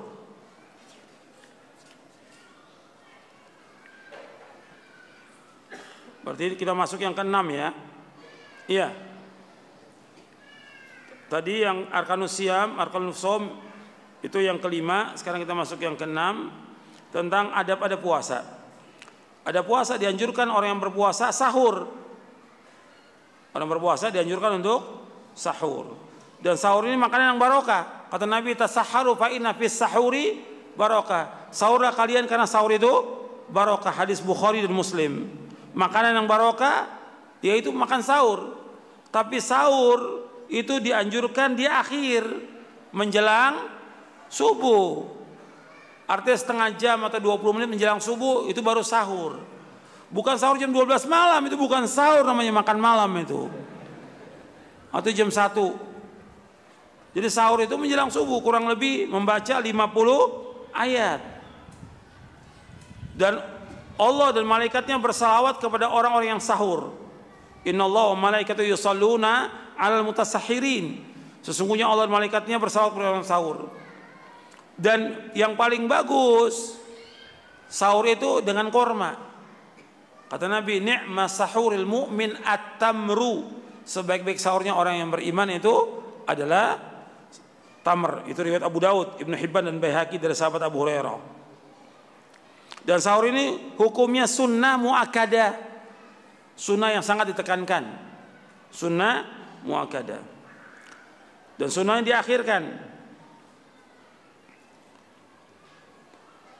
Kemudian dianjurkan juga ini tentang masalah adabnya nanti saya akan tambahkan lagi puasa eh, apa berbuka puasa ini tentang sahur karena kalau sahur buka untuk berbuka itu dianjurkan segera kalau untuk sahur diakhirkan kalau untuk buka disegerakan.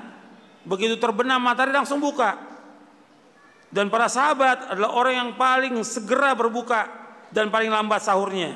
Dalam riwayat Abdul Razak dari Amr bin Maimun Al-Audi dia seorang tabi'i. Kan ashabu Muhammad SAW asra'an nasi asra'un nasi iftara wa abta'ahum sahura. Adalah para sahabat karena ashabu Muhammad SAW asra'an nasi iftara wa abta'ahum sahura adalah para sahabat Nabi Muhammad SAW orang yang paling segera berbuka paling lambat sahurnya riwayat Imam Abdul Razak dalam kitabnya Al-Musannaf dan orang yang menyegerakan buka akan mendatangkan kebaikan. Dan buka itu dilakukan sebelum sholat maghrib. Sebelum sholat maghrib, adzan buka dulu.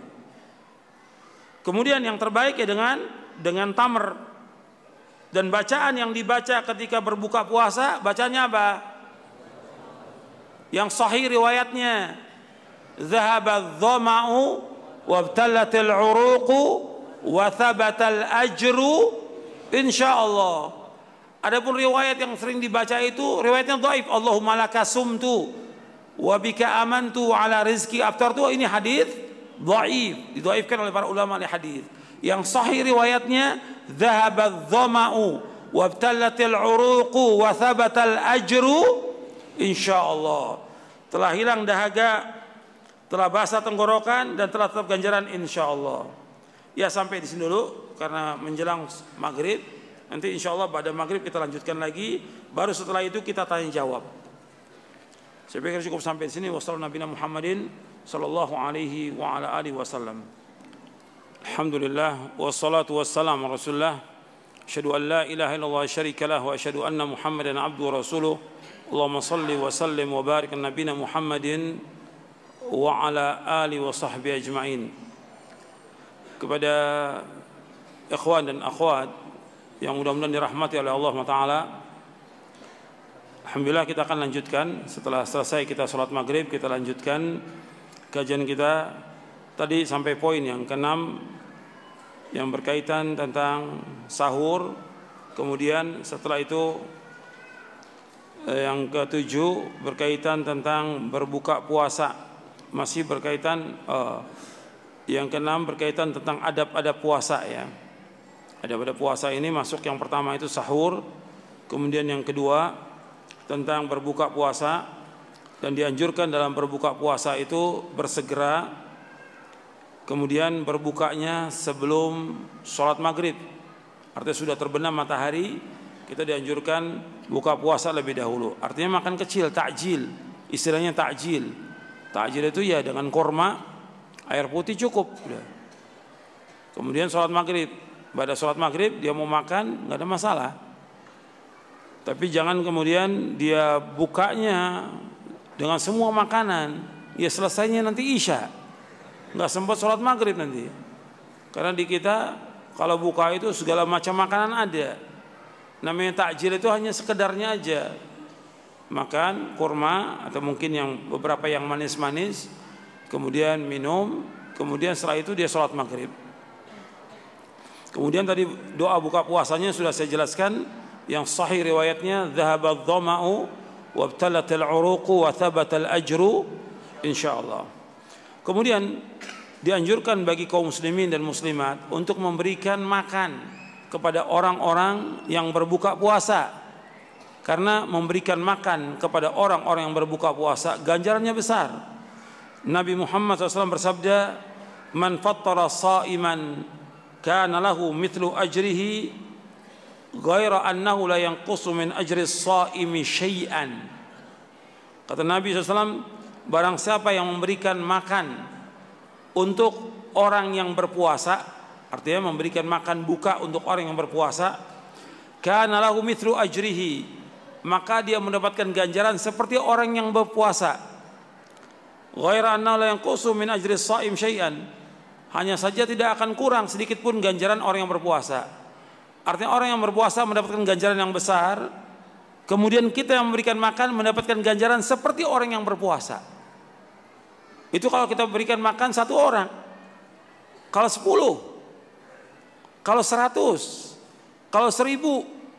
Makanya antum lihat di Timur Tengah orang-orang tuh berlomba-lomba memberikan makan untuk orang berbuka puasa. Kalau antum umroh di bulan Ramadan, antum bisa lihat di Masjid Nabawi, di Masjidil Haram, orang berebut untuk memberikan makan iftar kepada orang-orang yang berbuka puasa karena ganjarannya besar. Bahkan di sana itu orang membagikan makanan bawa mobil satu kontainer dibagikan. Bukan satu box, ada yang satu box ada. Artinya box mobil yang besar itu dipakai untuk bagikan makanan. Tapi ada juga yang satu kontainer dia bawa untuk bagikan makanan. Karena ganjarannya besar. Kalau di sana orang berlomba-lomba memberikan makan, kalau di sini berlomba-lomba berebut makan. Makanya mestinya kita berusaha sekarang bagaimana memberikan makan kepada orang yang berbuka puasa. Ganjarannya besar. Tidak antum ingat ganjarannya besar. Dan doanya orang yang berpuasa itu makbul, dikabulkan oleh Allah Subhanahu wa taala. Maka antum ingat doanya orang-orang berpuasa itu makbul. Apalagi ketika kita diberikan makan dan kita juga harus perhatikan ketika kita diberikan makan berbuka itu kita harus berusaha mendoakan. Dan doanya ada dari Nabi SAW kalau ada orang memberikan makan kepada kita kita doakan dengan doa apa? Apa? Doanya Allahumma barik lahum fi razaqtahum waghfir lahum warhamhum. Ada juga doa yang lain aftara indakumus saimun wa akala ta'amakumul abrar wa sallat alaikumul malaika. Telah berbuka orang-orang yang berpuasa di tempat kalian. Dan telah makan orang-orang yang baik di tempat kalian. Dan malaikat telah bersalawat kepada kalian. Akala ta'amakumul abrar. Aftara indakumus saimun. Wa akala ta'amakumul abrar. Wa sallat alaikumul malaika.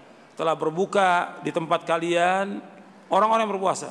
Uh, di situ disebutkan aftara indakumus saim telah berbuka orang yang puasa. Wa akala ta'amakum abrar telah makan orang-orang yang baik.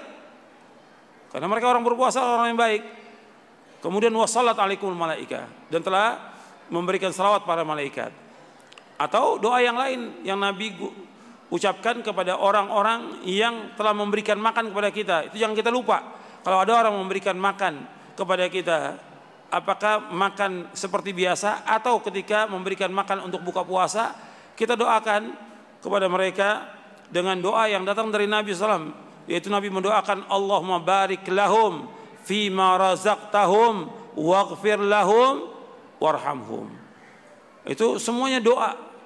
Maka Nabi menganjurkan untuk saling mendoakan di antara kita. Maka jangan kita diam tuh.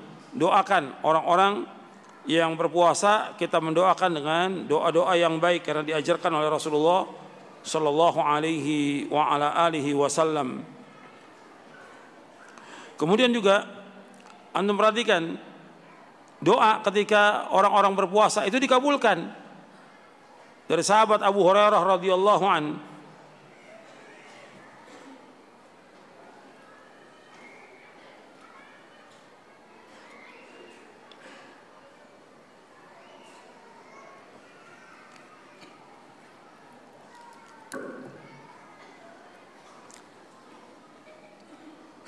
An Abi Hurairah radhiyallahu an qala qala Rasulullah thalathu da'awatin mustajabat.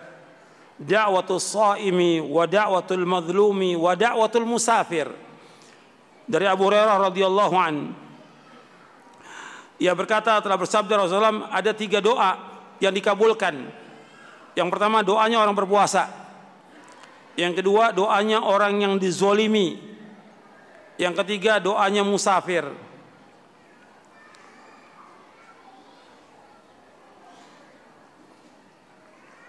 Ini diriwayatkan oleh Al-Imam Al-Uqaili dalam kitabnya Ad-Du'afa dan disahihkan oleh Syekh Al-Albani dalam Sahih Jami' Shaghir. Kemudian Ada juga riwayat yang lain dari Abu Hurairah juga Nabi bersabda, "Thalathun la turaddu da'watuhum as-saimu hina yuftir wal imamul adil wa da'watul madlum." Kata Nabi SAW ada tiga doa yang tidak akan ditolak doa mereka. Yang pertama doanya orang yang berpuasa ketika dia berbuka. Ya doa orang puasa dari mulai terbit fajar sampai terbenam matahari dikabulkan. Terlebih lagi ketika dia berbuka puasa. Yang kedua, imam yang adil. Yang ketiga adalah doa orang yang dizolimi. Ini diriwayatkan oleh Imam At-Tirmidzi, Ibnu Majah dan Ibnu Hibban. Kemudian dalam riwayat yang lain ada beberapa doa dan ini dianjurkan? Makanya kita e, biasakan dalam ketika kita berpuasa itu kita selalu berdoa kepada Allah. Doanya orang puasa makbul. Dan ketika kita diberikan makan oleh orang dalam berpuasa ini atau di luar puasa kita doakan. Tadi doanya sudah saya sebutkan. Di antaranya juga doa Allahumma at'iman at'ami wasqiman saqani. Ya Allah berikanlah makan orang yang berikan makan kepadaku wasqi man saqan dan berikanlah minum kepada orang memberikan minum kepadaku. Hadis itu sahih diriwayatkan oleh Imam Muslim. Adapun hadis yang tadi saya bacakan aftara indakumus saimun wa akala ta'amakumul abrar wa salat alaikumul malaika itu hadisnya sahih riwayat Abu Daud. Dalam Amalul Yaum wal Laila juga diriwayatkan oleh Musuni dalam Amalul Yaum wal Laila dan juga Imam Ahmad dalam Musnadnya juz yang ketiga. Adapun doa Allah mubarik lahum fima razaqtahum waghfir lahum warhamhum diriwayatkan oleh Imam Muslim Abu Daud dan Tirmizi hadis yang sahih. Kemudian kita masuk sekarang kepada adab yang lainnya yaitu dianjurkan dalam berpuasa itu di samping tadi sahur kemudian juga berbuka kemudian adab yang lain yang perlu antum perhatikan yaitu puasa ini niatnya kita puasa karena Allah dan mengikuti contoh Nabi SAW. Maka kita berpuasa, kita harus menahan diri dari hal-hal yang menafikan puasa. Seperti apa? Seperti berkata bohong, berkata rafat, berkata jorok, menggibah, memfitnah, berbuat yang haram dan yang lainnya. Itu harus kita hilangkan itu. Sebab orang yang berkata bohong dan selalu berbohong nggak akan diterima puasanya. Dalam hadis yang diriwayatkan Imam Bukhari Nabi bersabda, "Malam yada' qaula zur wal 'amal bihi falaysa lillahi hajatun fi ay yada'a ta'amahu wa syarabahu." Barang siapa yang tidak meninggalkan perkataan dusta dan dia berbuat demikian, maka Allah tidak berhajat kepada dia meninggalkan makan dan minumnya. Artinya Allah nggak berhajat kepada puasanya. Allah nggak akan menilai puasanya, nggak akan memberikan pahala bagi puasanya. Hadis sahih dari Imam Bukhari. Makanya kita wajib menahan diri dari ada pada puasa ini.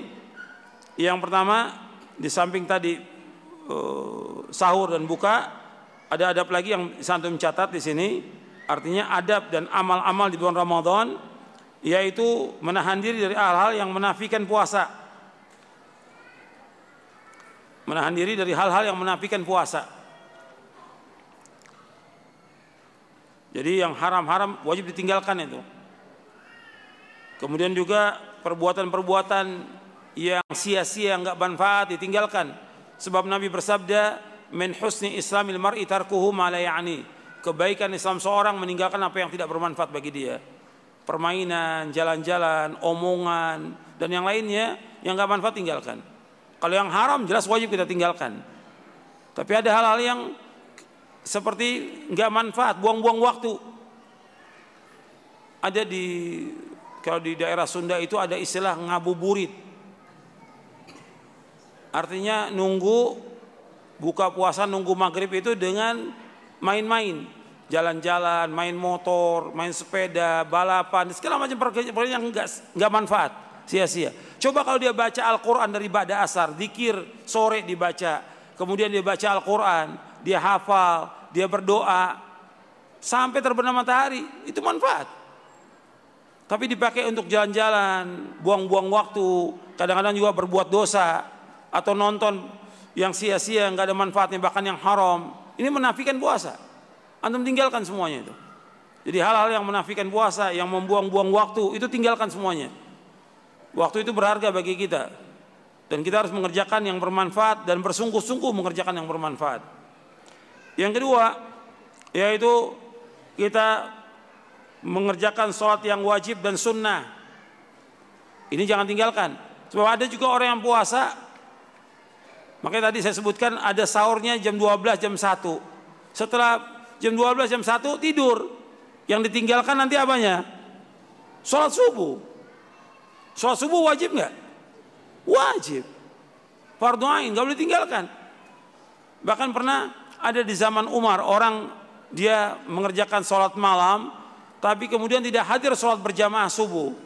Sholat berjamaah yang lima waktu di masjid bagi laki-laki hukumnya apa? Wajib. Dalilnya Antum bisa ngomong wajib dalilnya. Dalilnya apa? Dalam surah Al-Baqarah wa aqimu salata wa atu zakata warka'u marakiin. Dirikanlah salat, keluarkan zakat dan rukulah bersama orang yang ruku. Maksudnya kerjakanlah salat dengan berjamaah. Kalau hadis banyak. Hadis banyak sekali. Sampai orang yang buta pun disuruh hadir salat berjamaah. Ini wajib. Kalau di bulan lain wajib mengerjakan sholat berjamaah, apalagi di bulan Ramadan. Tetap wajib, dia harus kerjakan lima waktu sholat dengan berjamaah di masjid. Kemudian kerjakan yang sunnah-sunnahnya. Kerjakan yang sunnah-sunnahnya. Qobliyah maupun ba'diyah dikerjakan. Dan itu ganjarannya besar. Tapi nggak ada ganjarannya melebihi di bulan yang lain, nggak ada riwayatnya. Gitu. Jadi ada riwayat tapi dhaif riwayatnya. Kemudian yang selanjutnya di samping yang sunnah-sunnah kita kerjakan, kemudian sholat tarawih. Nah, sholat tarawih yang antum perhatikan bahwa Nabi Muhammad SAW di bulan Ramadan itu itu sholat tarawihnya enggak lebih dari 11. Kata Aisyah radhiyallahu anha wa ardaha. Maka Rasul yazidu fi Ramadan ala ghairi ala 11 atan. Maka Rasulullah SAW yazidu fi Ramadan wala fi ghairi ala 11 rakaatan. Kata Aisyah bahwa Rasulullah tidak menambah salat di bulan Ramadan maupun bulan ini atas 11 rakaat. Artinya Rasulullah SAW mencontohkan salat tarawih itu 11 rakaat. Bagaimana mengerjakannya dua-dua? Bagaimana riwayat ini hadis sahih dari Bukhari dan Muslim. Dalam riwayat Muslim disebutkan salatul laili mathna mathna bahwa salat malam itu dua-dua. Dia dua rakaat salam, dua rakaat salam, dua rakaat salam. Bisa dikerjakan empat kali, kemudian witirnya tiga, atau dikerjakan lima kali, witirnya satu. Jadi ini sebelas. Ada memang yang menyebutkan 23, tapi bukan hadis Nabi. Semua riwayat dari Nabi yang 23 dhaif dan maudhu. Riwayat dari Umar juga sama dhaif. Justru Umar radhiyallahu an mengerjakan sholat tarawih 11 rakaat. Dan para sahabat mengerjakan 11 rakaat. Semuanya demikian. Yang kita ikut contoh Nabi SAW dan contoh para sahabat. Nabi bersabda, wa khairul hadyi wa khairul hadyi hadyi Muhammadin SAW. Sebaik-baik petunjuk petunjuk siapa? Petunjuk Nabi Muhammad SAW. Kalau mengatakan kan ada juga ulama mengerjakan 23 Ya kita kembali kepada petunjuk Nabi. Dalilnya jelas Nabi mengerjakan 11, nggak ada riwayat Nabi mengerjakan 23 nggak ada riwayatnya, tidak ada sama sekali. Nggak pernah para sahabat mengerjakan 23, tidak ada riwayat sama sekali. Kalau 11 kerjakan 11. Dan waktu zaman Umar, Umar radhiyallahu menyuruh Tamim Ad-Dari dan Ubay bin Ka'ab radhiyallahu anhu untuk menjadi imam sholat tarawih. Satu rokat bacanya 100 ayat. Selesainya menjelang sahur. Karena panjang sholatnya para sahabat itu. Nah kalau kita nggak sanggup, nggak ada masalah. Tapi kita bacanya dengan tartil dan sebaik-baik sholat yang lama berdirinya. Afdalus sholat itu ulul kunut kata Nabi. Sebaik-baik sholat itu yang lama berdirinya. Kalau lama berdirinya berarti rukunya juga lama, sujudnya juga lama, etidan juga lama. Itu kita kerjakan dengan khusyuk. Yang paling pokok dalam sholat itu tumanina. Di samping mengikuti cara sholat Nabi, tumanina. Ini rukunnya sholat. Nggak bisa orang terawih saya enaknya buru-buru, setengah jam selesai. Ada sholat 23 rokat setengah jam selesai. Apa yang dibaca? Enggak akan diterima sholatnya. Kenapa dikatakan tidak diterima? Di zaman Nabi SAW ketika ada seorang sahabat sholat. Nabi lihat dia sholat. Selesai sholat, kata Nabi, Salli fa inna kalam tu salli. Sholat kamu belum sholat. Beliau udah sholat. Kemudian dia sholat lagi. Setelah selesai sholat, dia salam ke Nabi, Nabi jawab salamnya, kata Nabi, Salli fa inna kalam tu salli. Sholat kamu belum sholat. Beliau Nabi dan sahabat lihat dia sholat. Karena sholatnya tidak tumak nina. Maka Nabi ajarkan sholat yang tumak nina. Ya sholat tidak tumak nina, nggak akan diterima oleh Allah. Kenapa yang kita kejar buru-buru mau ngapain? Buru-buru. Tenang kita sholat khusyuk. Karena kita ingin diterima sholat ini. Karena kita ingin dihapuskan dosa kita. Man qama ramadhana imanan wahtisaban ghufira lahu ma taqaddama min. Barang siapa yang mengerjakan sholat tarawih, sholat malam dengan iman dan mengharapkan ganjaran dihapuskan dosa yang lalu. Itu yang kita inginkan dari sholat tarawih itu. Makanya harus dikerjakan 11 Contohnya 11 itu yang kita ikut. Adapun pendapat 23 ya pendapat para ulama. Tapi yang kita lihat Nabi kerjakan berapa dan itu mudah untuk umat Islam semuanya. Kemudian selanjutnya dianjurkan dalam puasa membaca Al-Qur'an. Makanya para ulama terdahulu menghatamkan Quran. Nah, antum nih usahakan ini. Antum, istri antum, anak antum usahakan setiap hari baca Quran, kalau bisa khatam setiap empat hari. Nggak bisa seminggu. Berarti sehari baca empat juz. Empat juz. Dulu para sahabat ada di antara mereka yang khatamnya tiga hari. Kata Nabi nggak boleh kurang dari itu. Berarti satu hari sepuluh juz. Setiap tiga hari khatam. Yaitu Abdullah bin Amr bin As. Kalau kita nggak sanggup, ya seminggu. Berarti usahakan Ramadan ini bisa kita khatam empat kali. Usahakan itu. Antum ingat tuh, untuk Ramadan ini berapa kali khatamnya? Empat kali, insya Allah. Usahakan tuh. Antum, istri, anak, orang tua juga sampaikan itu. Karena begitu para ulama terdahulu. Kalau sudah masuk Ramadan, mereka sibuk membaca Al-Quran. Karena Nabi SAW menyuruh untuk baca Al-Quran Iqra'ul Quran fa innahu ya'ti yaumal qiyamati syafi'an li ashabi bacalah Al-Quran karena Al-Quran memberikan syafaat kepada orangnya pada hari kiamat. Dan nanti puasa dan Al-Quran akan datang pada hari kiamat akan memberikan syafaat kepada orang yang membaca Al-Quran dan puasa. Kemudian juga di antaranya lagi ada, ada puasa ini jud dermawan dermawan itu banyak sedekah di bulan Ramadan ini Nabi SAW banyak sedekah. Jadi jangan menahan. Jadi banyakin sedekah. Berlomba-lomba dengan sedekah. Nabi adalah orang yang paling dermawan. Terutama dermawan di bulan Ramadan. Melebihi angin yang berhembus. Makanya kita usahakan itu. Kemudian yang selanjutnya lagi.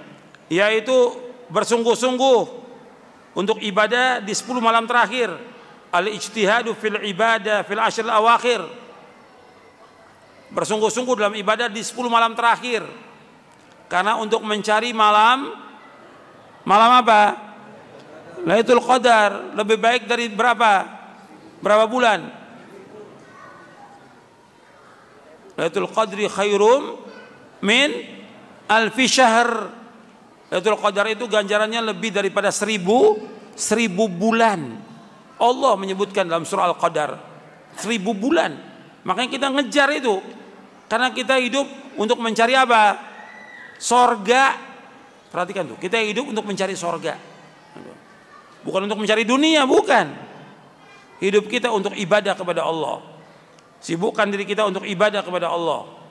Berlomba-lomba bangun di tengah malam kemudian baca Al-Quran, banyak sedekah, istighfar, berdoa, menolong orang yang susah, dan yang lainnya.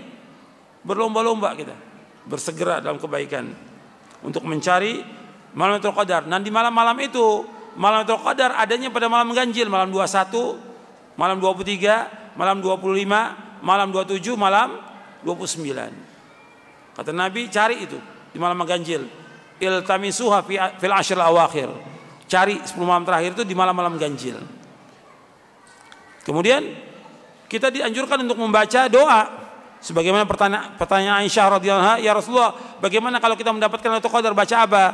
Allahumma innaka afuwun tuhibbul afwa fa'fu anni. Allahumma innaka afuwun tuhibbul afwa fa'fu anni. Allahumma innaka afuwun tuhibbul afwa fa'fu anni. Baca malam-malam itu. Ya Allah, sungguhnya Engkau pemaaf dan Engkau suka kepada maaf. Maafkan kami ya Allah. Ampuni dosa kami. Kemudian dianjurkan juga untuk umroh di bulan Ramadan.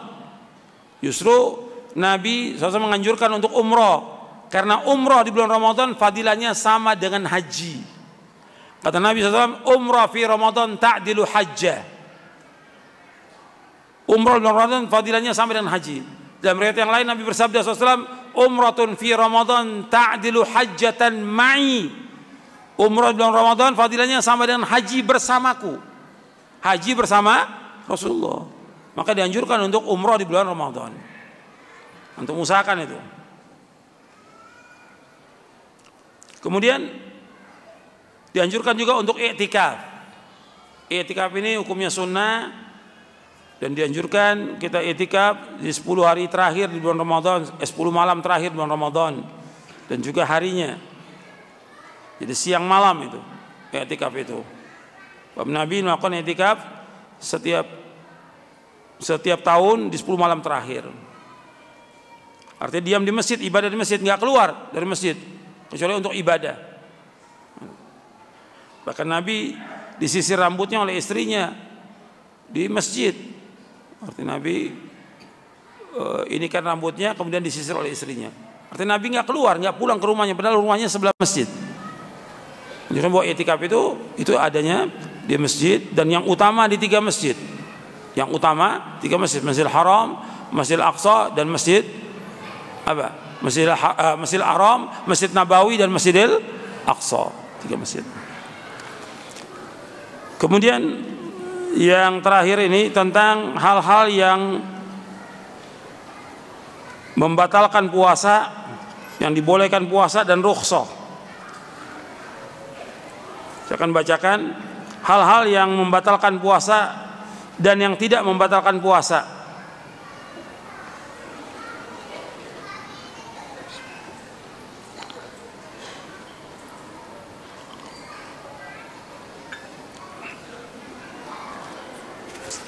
Yang membatalkan puasa yaitu murtad, keluar dari agama Islam. Itu yang pertama. Yang kedua makan dan minum dengan sengaja.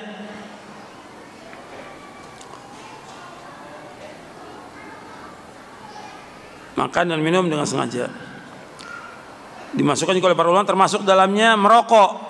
Karena orang berpendapat bahwa rokok itu nggak makan nggak minum kata dia. La haula wala quwata illa billah. Ya rokok ini hukumnya haram dalam Islam dan membatalkan puasa. Kalau seandainya ada orang makan minum, tidak sengaja lupa, batal nggak? Nggak batal. Dia teruskan puasanya. Cuma begitu dia ingat harus berhenti. Yang ketiga jima bersetubuh di siang hari Ramadan. Yang membatalkan puasa jima bersetubuh di siang hari Ramadan. Nah orang yang melakukan ini artinya orang yang melakukan jima bersetubuh di siang hari Ramadan yang pertama batal puasanya. Yang kedua dia melakukan dosa besar. Yang ketiga dia wajib membayar kafarah. Puasa dua bulan berturut-turut. Yang keempat dia wajib bertobat. Yang kelima dia wajib mengkodok puasanya. Itu dijelaskan oleh Syekh Muhammad bin Saleh Utsaimin rahimahullah tentang orang yang bersubuh siang Ramadan. Yang pertama batal puasanya, yang kedua dia melakukan dosa besar, yang ketiga wajib membayar kafarah, puasa dua bulan berturut-turut. Yang keempat wajib dia bertobat. Yang kelima dia wajib mengkodok puasanya. Yang keempat yang membatalkan puasa. Yang keempat haid dan nifas ya, meskipun dia sudah puasa kemudian sore menjelang buka dia keluar darah haidnya atau dia nifas melahirkan maka batal puasanya dia wajib untuk mengganti di hari yang lain. Yang kelima, muntah dengan sengaja. Dibedakan antara muntah dengan tidak sengaja dan muntah dengan sengaja. Kalau Nabi menyebutkan tentang muntah dengan sengaja batal puasanya. Yang keenam, suntikan infus yang berisi makanan. Ya, suntikan infus yang berisi makanan ini membatalkan.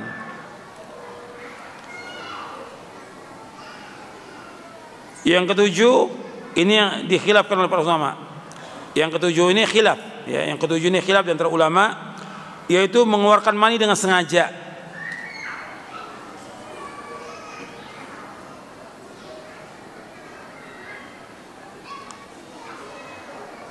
Kalau dia mengeluarkan mani dengan sengaja, istimna ini, kalau jumhur ulama berpendapat batal. Tetapi Imam Ibn Hazam, Imam Ash-Shawkani dan Syekh Al-Albani rahimahumullah berpendapat bahwa itu tidak membatalkan puasa. Dan ini kuat karena nggak ada nggak ada dalil yang mengatakan batal. Dia berdosa dengan istimna itu, dia mengeluarkan mani dengan onani itu dia berdosa tapi puasanya tidak batal. Karena nggak ada keterangan atau nos atau dalil. Dan nggak bisa dikiaskan dengan jima. Nggak bisa dikiaskan. Kemudian hal-hal yang tidak membatalkan puasa. Hal-hal yang tidak membatalkan puasa. Yang tidak membatalkan puasa yang pertama orang yang berpuasa di pagi hari dalam keadaan junub. Maksudnya begini ada orang bersubuh suami istri. Begitu masuk waktu subuh sudah adzan. Dia baru bangun, belum sempat mandi, mandi junub. Maka tetap sah puasanya. Dia niat puasa, kemudian dia mandi. Atau umpamanya dia di siang hari bermimpi, mimpi bersubuh. Dia bermimpi bersubuh, maka tetap dia wajib mandi kalau di keluar mandi dan dia lanjutkan puasanya, tidak membatalkan.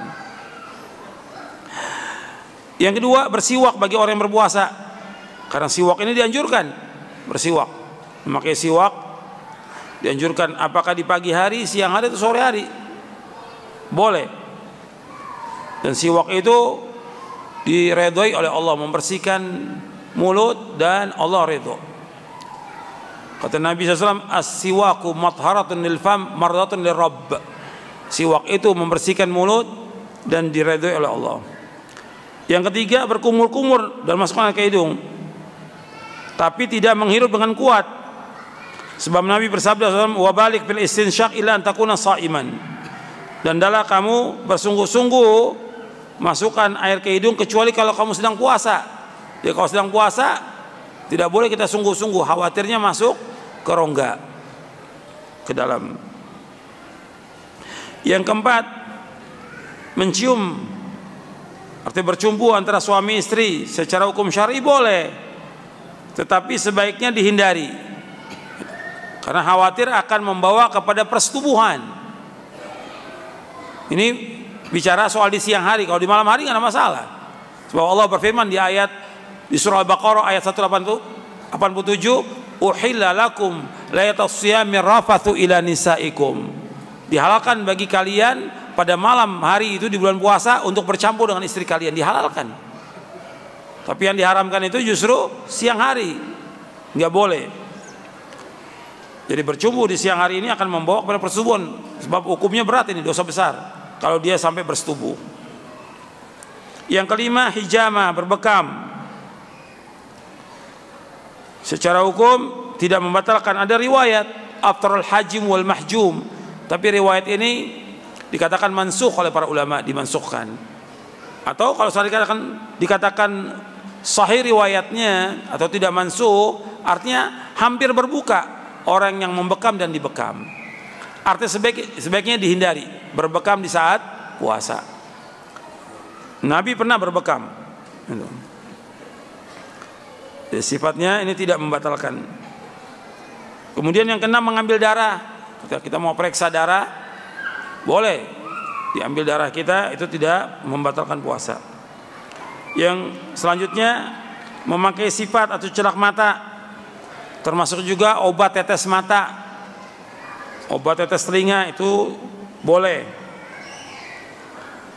kemudian menuangkan air di atas kepala atau mandi itu boleh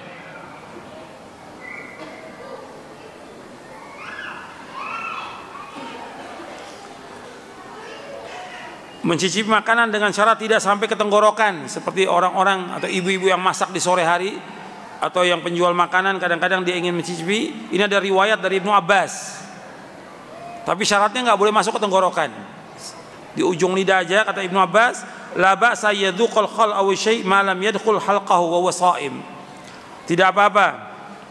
Dia merasakan cuka atau sesuatu selama tidak masuk ke tenggorokan dalam keadaan dia berpuasa yang selanjutnya obat semprot bagi orang yang mempunyai penyakit asma itu boleh.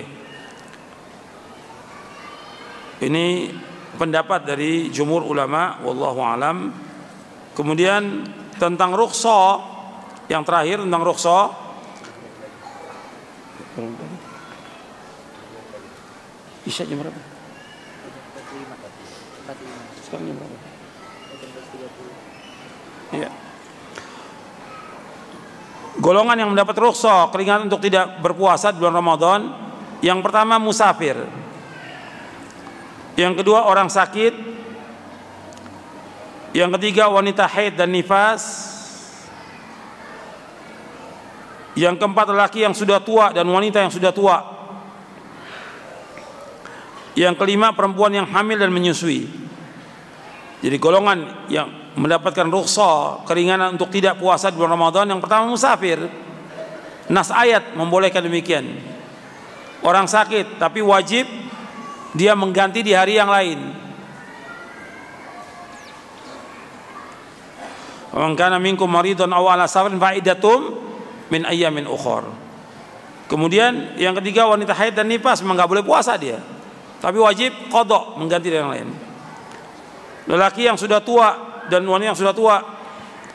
Kalau memang dia nggak mampu untuk puasa dia wajib membayar fidyah berdasarkan asar dari Ibnu Abbas.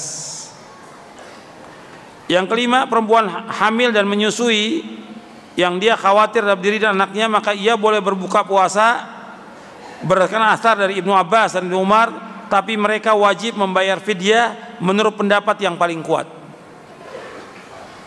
ya sampai sini dulu kajian kita karena sudah menjelang sholat isya. Mungkin ada eh, menjelang azan isya. Ada yang mau tanya silakan. Terutama pertanyaan yang berkaitan dengan materi supaya nyambung kajiannya ini.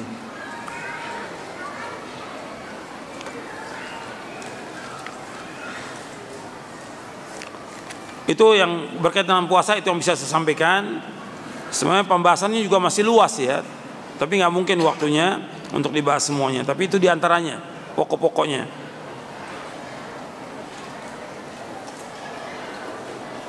Bagaimana sholat di masjid yang ada kuburannya?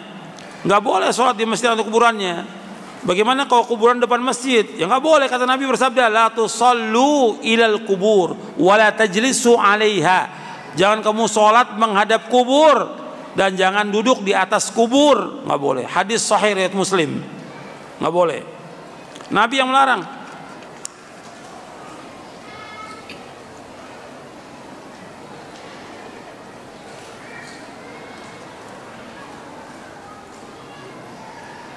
Tadi disebutkan kullu bid'atin dolala. Ada orang yang mengatakan tidak semua bid'ah, tapi sebagian bid'ah. Bagaimana uh, tentang ini di antara ustaz-ustaz menyampaikan demikian?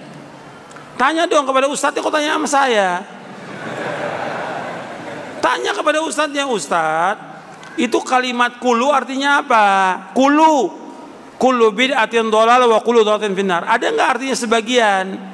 Nabi mengartikan sebagian apa tidak? Sahabat mengartikan sebagian atau tidak? Begitu penjelasan ditanya. Sekarang saya tanya kepada antum. Kullu bid'atin dhalalah, setiap bid'ah sesat. Wa kullu dhalalatin finnar, setiap kesesatan tempat neraka. Saya mau tanya kepada antum, ada enggak kesesatan yang tempatnya di sorga? Jawab. Ada enggak kesesatan yang tempatnya di sorga?